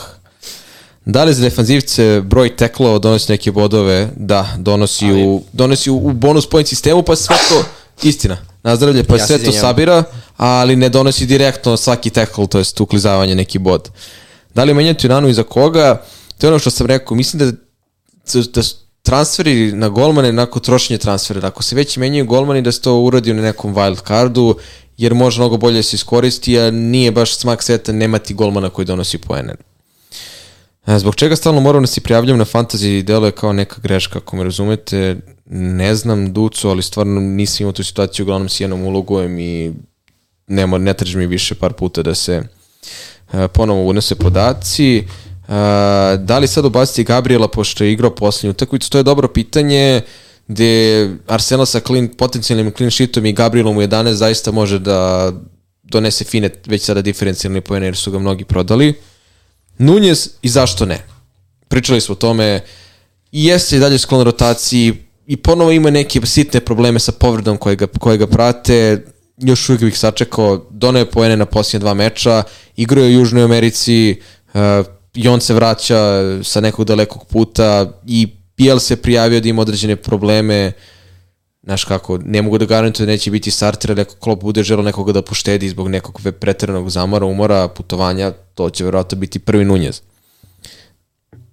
I tu Žota pretenduje da bude u startnih 11. Da li izbaciti Bojena, da li će Jesus biti starter? Pa ako je Bojen doveden, ako gledaš neki raspored, zapravo realno je da ne bude u sastavu, osim ako se računaju neki ozbiljni diferencijalni poeni. Da li će Jesus biti starter? Mislim da će biti sada starter. Da se ono... Pa da. Da, ma hoće, ma Da. ne vrem će Niketi da mu Ko u prvu pored uh, Udogi i Chilvela, Corville ili je Stupinjan, pa mislim da ne bih se ja sa dva, sa dva defanzivca Chelsea baš Nikako, uh, nikako. tako Stupinjan, da pa bolje ne, pa Stupinjan moraš. bez obzira što Moraš, moraš da, da imaš. Salah out, Son in, da ili ne, zaista ne mislim da je prodaja Salaha za Sona dobro rešenje, jer ako neko donosi poene, još ima Wolvese, bez obzira što je skup, ne vidim logiku da se prodaju igrači koji konstantno donose poene. Dakle, Son je na jednoj utakmici doneo poene, a Salah je doneo Naravno, na... mada mislim da te pita verovatno na, na duže staze sumnjam. Koga dovesti umjesto Chilvela, ja bih i sa Chilvelom sačekao makar ovu utakmicu, ali ako se jure za mene, verovatno neki u dogi ili već polako da se e, fokusiramo na igrače koji će imati dobar raspored, dakle neko iz Newcastle, na primjer, Trent Alexander Arnold, čekamo informacije, još uvijek bit će konferencija verovatno sutra. Da li je vreme za odbrani golmana Newcastle? Za golmana nisam siguran, Odbrana da. Ali odbrana verovatno da. golman da, teško. U moru problema sa nedostatkom kvalitetnih opcija u napadu Gabriel Jesus kao diferencijal, jako hrabro i zanimljivo, igraju sa Evertonom, spomenuli smo tu tradiciju da nisu slavili već nekoliko godina, ali ima dosta drugih napadača koji mogu biti dobri diferencijali, ali svakako Jesus u slučaju da je starter jeste jedan od onih od kojeg se mogu očekivati poeni, je li tako? Zašto ne? Pa dobro, on je bio i popularan prošle sezone, ali Da li Chelsea može do tri boda? Verovatno da može, mislim. Može i do tri, može i do nula, Došli je- smo do toga, došli smo do toga da pitamo da li Chelsea može da uzme tri boda Bournemouth u gostima. Što više govori trenutno o Chelsea, Da. ali sigurno da može, ali kako će izaći, kako će Bournemouth delovati, to je sad sve veliki znak pitanja. Nabrite pet najboljih odbrana za fantasy u ovom trenutku klubova, pa kako igraju trenutno, svi primaju golove, ali ovo što smo videli na početku sezone, ako se držimo statistike, Newcastle ima dobru odbranu, Nottingham Forest pruža dobru, dobre statističke parametre odbrane, ali nije ekipa na koju se treba osloniti. Ali ako gledamo ovako, Manchester City mora da bude u opticiju za dobre odbrane. Bez obzira što za fantasy se Da. desi uvijek da prime taj jedan gol. e, on, on sad gleda iz ugla fantazije. Da, jel? pet najboljih Da. klubova odbranbeno. Pa u narednom periodu svakako imamo Newcastle, Da. City, Nottingham Forest sumnjam da će moći da... Ovaj, da Tottenham će imati dobar raspored, Tottenham može bude tu. Pa, Ne samo to, Da. nego mislim, Da. gledaš i bodove koje odbrana može da donese. Gledaš da. i napadački deo Tako je. odbrane. Dakle, u Dogi, Poro, Tako je. apsolutno. Iz tog ugla može i Chilwell, Mm. znači kao neka opcija. Tako da, Aston Villa, Um, a da, sa Da. Cashom sad može nešto i, i je stupinjanje tu iz Brightona. Mada da, Brighton, ja bih stavio odbranu Brightona kao jednu dugoročnu opciju, mada kada bi je stupinjanu pao procenat vlasništva, možda i potražio da, negde, negde to jeste i Danki isto tu solidno. Jeste, ali čekaj, akvizicija. Je Newcastle, da li će da iznenadi ili razočara ovoj sezoni? 65% skoro je Stupinjan. I to je kao sad, Da. znači što ti kažeš efektiv, ko zna Da. koliko. Newcastle da li će da iznenadi ili da razočara u ovoj sezoni? Ja i dalje ne smatram da je Newcastle razočarao jer je imao ozbiljno težak raspored na otvaranju sezone, sad ide dobar period, sad, sada ćemo vidjeti da li je ovo trenutno prosto tako i još će igrati tu ligu šampiona, ajde da sačekamo neki novembar, decembar pa da dajemo neke prve prognoze. Evo pitanje zanimljivo. Utisci o novom studiju. Kako smatrate da napredujete što se tiče podcasta u novoj sezoni? Pozdrav. Ovo je Josip. Pozdravlja nas. Pa hoćeš ti? Pa, ajde, tebe sam pitao. Jo, ja sam prolio krv ovde. Iskreno ti kažem. I ja sam. Ove, da, da, samo se smeji. Ja sam na drugi način. Na drugi način, tako je. Ali ja sam iskreno zadovoljan, ima još mnogo prostora da, da napredujemo, baš, baš prostora, ali jednostavno nije bilo moguće sve stići u toku leta i taj napredak ćemo ići korak po korak u toku sezone. Tako da mislim da smo napravili pravi korak ka nekom, da kažemo, boljem kvalitetu, ali dalje tu mora da se dosta stvari odradi, ali svakako profesionalnije nego snimati u, u ćošku da. dnevnog boravka i ono, dok, dok snimaš, gledaš u, kuhinju da. i mikrotalasno. u suštini sve što Nikola rekao ja bih isto potvrdio, evo, evo i sledeće pitanje, bukvalno samo, to nam je postao Velimir, da li najđe period godine kad vas mrzi da vodite toliko računa o stranici kao i o podcastima? Lepo pozdrav. Hoćeš pa, prvo ja zbog stranice, pa ti... Sve jedno. Iskreno, evo, ja se bavim ovom stranicom tri pune godine i zaista provodim dosta vremena pratići društvene mreže, da mogu da sve te informacije prosto na vreme a, iznese, da sve to bude onako pravovremeno, tačno, da bude što bolja usluga. I dešavaju se tako trenuci da sam u fazonu ne mogu više, kao jao, moram ovo, moram ono, ali opet kada pogledam da smo ipak napravili nešto što je kvalitetno, što ljudi vole da gledaju, bude mi drago da mogu da dam neki dobar savet, da ljudima znači što pravimo podcast, da se ljudi pitaju kada će nova epizoda, kada će nova najava kola, dakle očigledno da radimo nešto da. dobro i sav taj trud i krv koju sam ja prolio u početku kad sam napravio stranicu, jer ono, niko nas nije pratio, ljudi su mi tražili da im vadim, da im šaljem ličnu kartu, da im slikam uh, uh, dokaz da postojimo, da ne misle da ćemo ih prevariti, što u jednu ruku logično prosto, nikad ne znaju ljudi na šta mogu da nalete, pa dolazimo do ove situacije, dešavaju se takve prilike, ali što smo duže u ovome, što više rastemo, zaista mi je drago što ja nisam odustao u nekom trenutku i što je ovo zaživalo kako sa podcastom, tako i sa nekim drugim stvarima, sa Euroligom i uvijek bude tako nekih trenutaka da nas onako dolazimo do nekog zida da nas kao mrzi, ali opet skapiram da ipak imam sada neku odgovornost uh, prema... E, upravo tako. Znači, da. kako prema tebi, tako prema ostatku naše ekipe, a i tako prema vama koji nas generalno pratite, jer bilo bi jako nekorektno ako već radimo nešto ozbiljno i ako ste deo naših liga i ako ste izdvojili novac da budete deo, naših, deo u našem celom sistemu, bilo bi neodgovorno da sad kažem, e, mrzi me. Tako da, dešavaju se takve situacije da razmišljamo o tome, ali sad smo već došli do toga da je ovo meni jedna ozbiljna obaveza.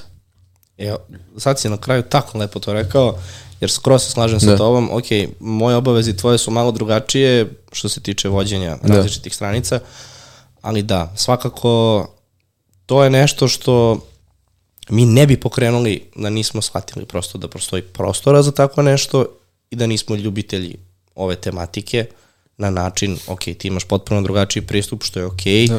ja imam pristup na, na mikrofon, ali generalno gledano da, imaš ti momente, tebe sve u životu može da, da mrzi. Da se baviš najboljim poslom na svetu, posle dve godine će te mrzeti da, da radiš jednu te istu stvar.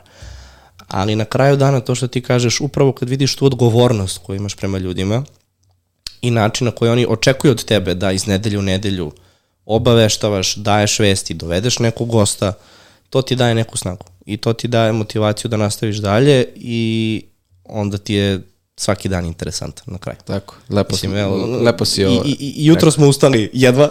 da. Ove, to ali... je prošlo ova alergija, zamisli da sam ja došao ovde Salina. Ja vidiš moju alergiju, da. dakle ja sam posljednjih 40 ne, minuta... Ne, ne, laže, rasplako se, rasplako se da. posle moje Ove, kako se zove? Ne, znači prašina me satmala jutros. Znači, držao sam se tako dobro sat vremena i gledam na satu da. kako smo prošli sat i 10 minuta, a samo je krenulo nos, da. usta. Drago mi da su ovo Josip i Velimir pitali, pozdrav za obojicu sad se ponovo vraćamo nekim tematskim pitanjima, šta je duplo kolo, to je šta znači duplo kolo? Duplo kolo znači da jedan tim, to jest klub, u okviru jednog kola na fantaziji ima dve utakmice. To je, na primjer, to će sada biti u sedmom kolu Luton i Barnley, kada će odigrati dva meča u okviru sedmog kola i poeni sa tih utakmica će se računati na fantaziju kao da je zapravo odigrano jedno kolo. Tako da, toga će biti još par puta u toku ove sezone, nekada je bilo mnogo više zbog korone, kraljice i svih drugih stvari, ali uvek je važno ispratiti ko ima duplo kolo i kada. Povreda Botmana, to smo rekli da još uvek čekamo neke informacije. Free hit ovo kolo zbog lošeg rasporeda igrača za ovo kolo. A ja bih free hit čuvao za prazno kolo ili za neki dalji drugi deo sezone, jer mislim da je mnogo lošije imati tim gde ti tri igrača, četiri imaju neku utakmicu, nego da radiš free hit jer tvoji igrači imaju loše utakmice u ovom kolu. A videli smo dosta puta da loša utakmica na papiru ne mora da znači da će to zapravo da bude tako i na terenu. Au, ajde da završavamo. da li, da li se isplati kombinacija iz Tottenhema Son Romero, Madison ili Madison Romero Dogi, to je ono što smo pričali, dakle sve se vrti oko Madisona kao primarne opcije, u Dogi kao još jedna vrlo značajna opcija sad kad se pojavio Son, ko je tu treći i da li ima opcije za nekog drugog, nekog četvrtoga da nije Son zapravo, to jest... Pa dobro, Solomon... Da. Ali... Evo, evo, bukvalno, Sledeće pitanje, hoće li Solomon zauzeti mesto u 11, s obzirom da je imao... Pa, Solomon ili Johnson. Eto, to, je, to su neke stvari koje treba ispratiti partiju takvih igrača, uh -huh. ako mhm. neko ulovi mesto u startih 11, ako toneci konstantno pojene, to su dobri diferencijali, da se pravi razlika. Da li da stavim Stona za kapitena, hrabro, ali nije nelogično. Da li vredi dovojiti Salaha za minus 4? Uuu, upa ne znam. Zavisi koga ima u ekipi, ali s obzirom da sam bio imao smo neku ideju da menjamo Salaha za Sona, ako ne sad u nekom narednom periodu. Uh, joj, ne. Što? Pa upravo zbog toga i dalje, aj, ajde, nek sačeka Liverpool Tottenham, to su još dve ili tri utakmice, ako se ne varam, i ta ćemo već znati. Šta očekujemo od Salaha, šta očekujemo od Sona, da. pa ćemo znati. Ako se desi da Dobro. Salah stvarno donosi toliko bodova, E, evo još jedno pitanje jako važno. Da li će biti video za Fantasy Euroligi? Videa kao... Kao pa vjerojatno da li podcasta ili nekog tako video materijala. Pa pitamo gospodina ovdje za kamere, ali... Kaže, bit će u nekom narednom periodu, tako da očekujte da se to... To je uvijek tačan odgovor, da. bit će u nekom narednom ali, ali, periodu. Ozbilj, Očekujte, uskoro. Uskoro, dobro, pa dobili su ligu posle par dana. Neki predlozi za wild card, to je za Game Week korisni wild card, pa manje više sve što smo prošli sada u ovom podcastu, to su otprilike neki saveti, kao što sam rekao, mnogi će već sada aktivirati wild card, neki će u narednih par kola, ovo je sada neki idealan period. Uh, glavni grad Šrilanke. Ko, Kolombo, mislim da se tako zove. Da li imaju nešto dva Slušaj, glavna ako grada? nisi slučajno spremio ovo pitanje unapred, uh, jako ti je bio loša gluma. Glavni grad... Džedovska kupovina, situacija sa Sonom, Kako je spremio ovo pitanje? Kako ga je spremio? Jo, dobro. Uh, situacija sa Sonom, da li ga kupovati ili ipak sačekati zbog one povrede, izgleda da ona nije bila povreda, nego da to prosto takve prakse nakon nekih utakmica treninga, da se malo hladi koleno, ti to verovatno dobro znaš, jer si malo bolji u toj tematici kada je medicina u pitanju. Nakon, nakon povrede, e, period... Evo jedno pitanje. Mora da... da. Avoni kao prva opcija u, u napadu s Haalanda. Zašto da ne? Da. Zašto da ne? Da li su Tarner i Areola dobro golmanski par na duže staze, pa Tarner ako izgubi mesto među 11, uh, već sad... Tu ostavimo na, da. na Areoli samo, da. Da li izbaciti Pickforda, ako da, ubaciti koga, pa trenutno deluje za neki naredni period, čak i Johnstonu bi mogla ta konkurencija da mu uzme startnih 11. Pa da li će Pope, Martinez ili neko drugi, možda čak uh, Verbruchen iz Brightona, ako bude imao startnih to jest ako bude bio konstantno da. 11, svakako golmanske pozicije ove sezone su zaista šarolike, ni jedna nije garancija za poene, čak ni one skuplje. Darwin Nunez, njega su prošli, da li se od Soboslava mogu očekivati ve veći broj poena? Ne toliko kao što se očekuje, ja mislim od Salaha, Darvina, to jest Diaza i Žote, ali neko koji senki može malo, malo da donese određeni broj poena. Zašto da ne? Koji ti je omiljeni diferencijal, Nikola? A, moram da ga imam? Pa pitanje, ili... da li imaš nekog? Znaš da nemam diferencijala u stvari. To ne, ne u timu, nego da, koji bi ti bio tvoj miljen, mislim? Aha, aha, aha. Uh, uf. Uf, uf, uf.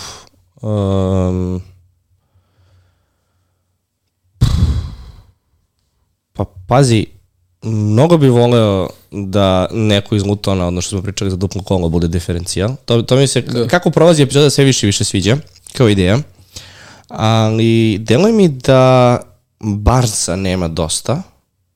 Dobro, Barca još uvijek nema fiksne minute u Znam, ali upravo to da. ti kažem. Dakle, voleo bi Barca da vidim da, da zameni uh, uh, Gordona na, na levom krilu i Alanga. Ne znam zašto, mnogo mi se sviđa kako je počeo ovu sezonu i to bi baš bilo interesantno. Elanga da donosi pojene. Eto.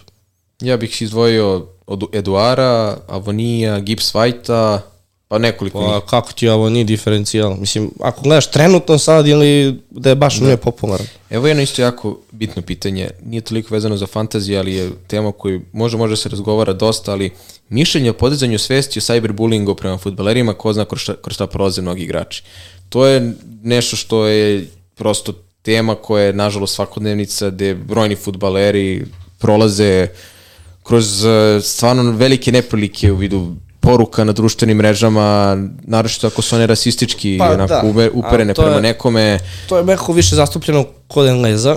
Mislim, ima i kod Mislim, nas. to je, to je svuda ali... zastupljeno, ali taj cyberbullying kako neki futbaler u poznatijem većem klubu, kako on već ime, na, naravno sve prisutniji, ali malo, malo da vidimo da brojni futbaleri nakon neke loše partije, promašaja, budu prosto meta prosto na društvenim mrežama. To je loša strana društvenih mreža, dakle, gde ono svako može da napiše šta želi, što mislim jeste ideja, ali gde se prosto zbog nekog učinka na najbitnija stvar u sportu na nekoj utakmici gde ipak to treba da doživljavamo kao neku zabavu, kao neku sporednu stvar, da ljudi doživljavaju to toliko lično da se nekom mladom čoveku preti, da se vređa na najružniji način, prosto mora da se pronađe način makar da se ono takvi ljudi, da se takvim ljudima ne dozvoli da budu deo sporta, kao što to na primjer Englezi dobro rade. Svako ko vređa nekoga na utakmicama javno, klubovi se takvih, od takvih ljudi ograđuju. Jeste, ali to nije cyber.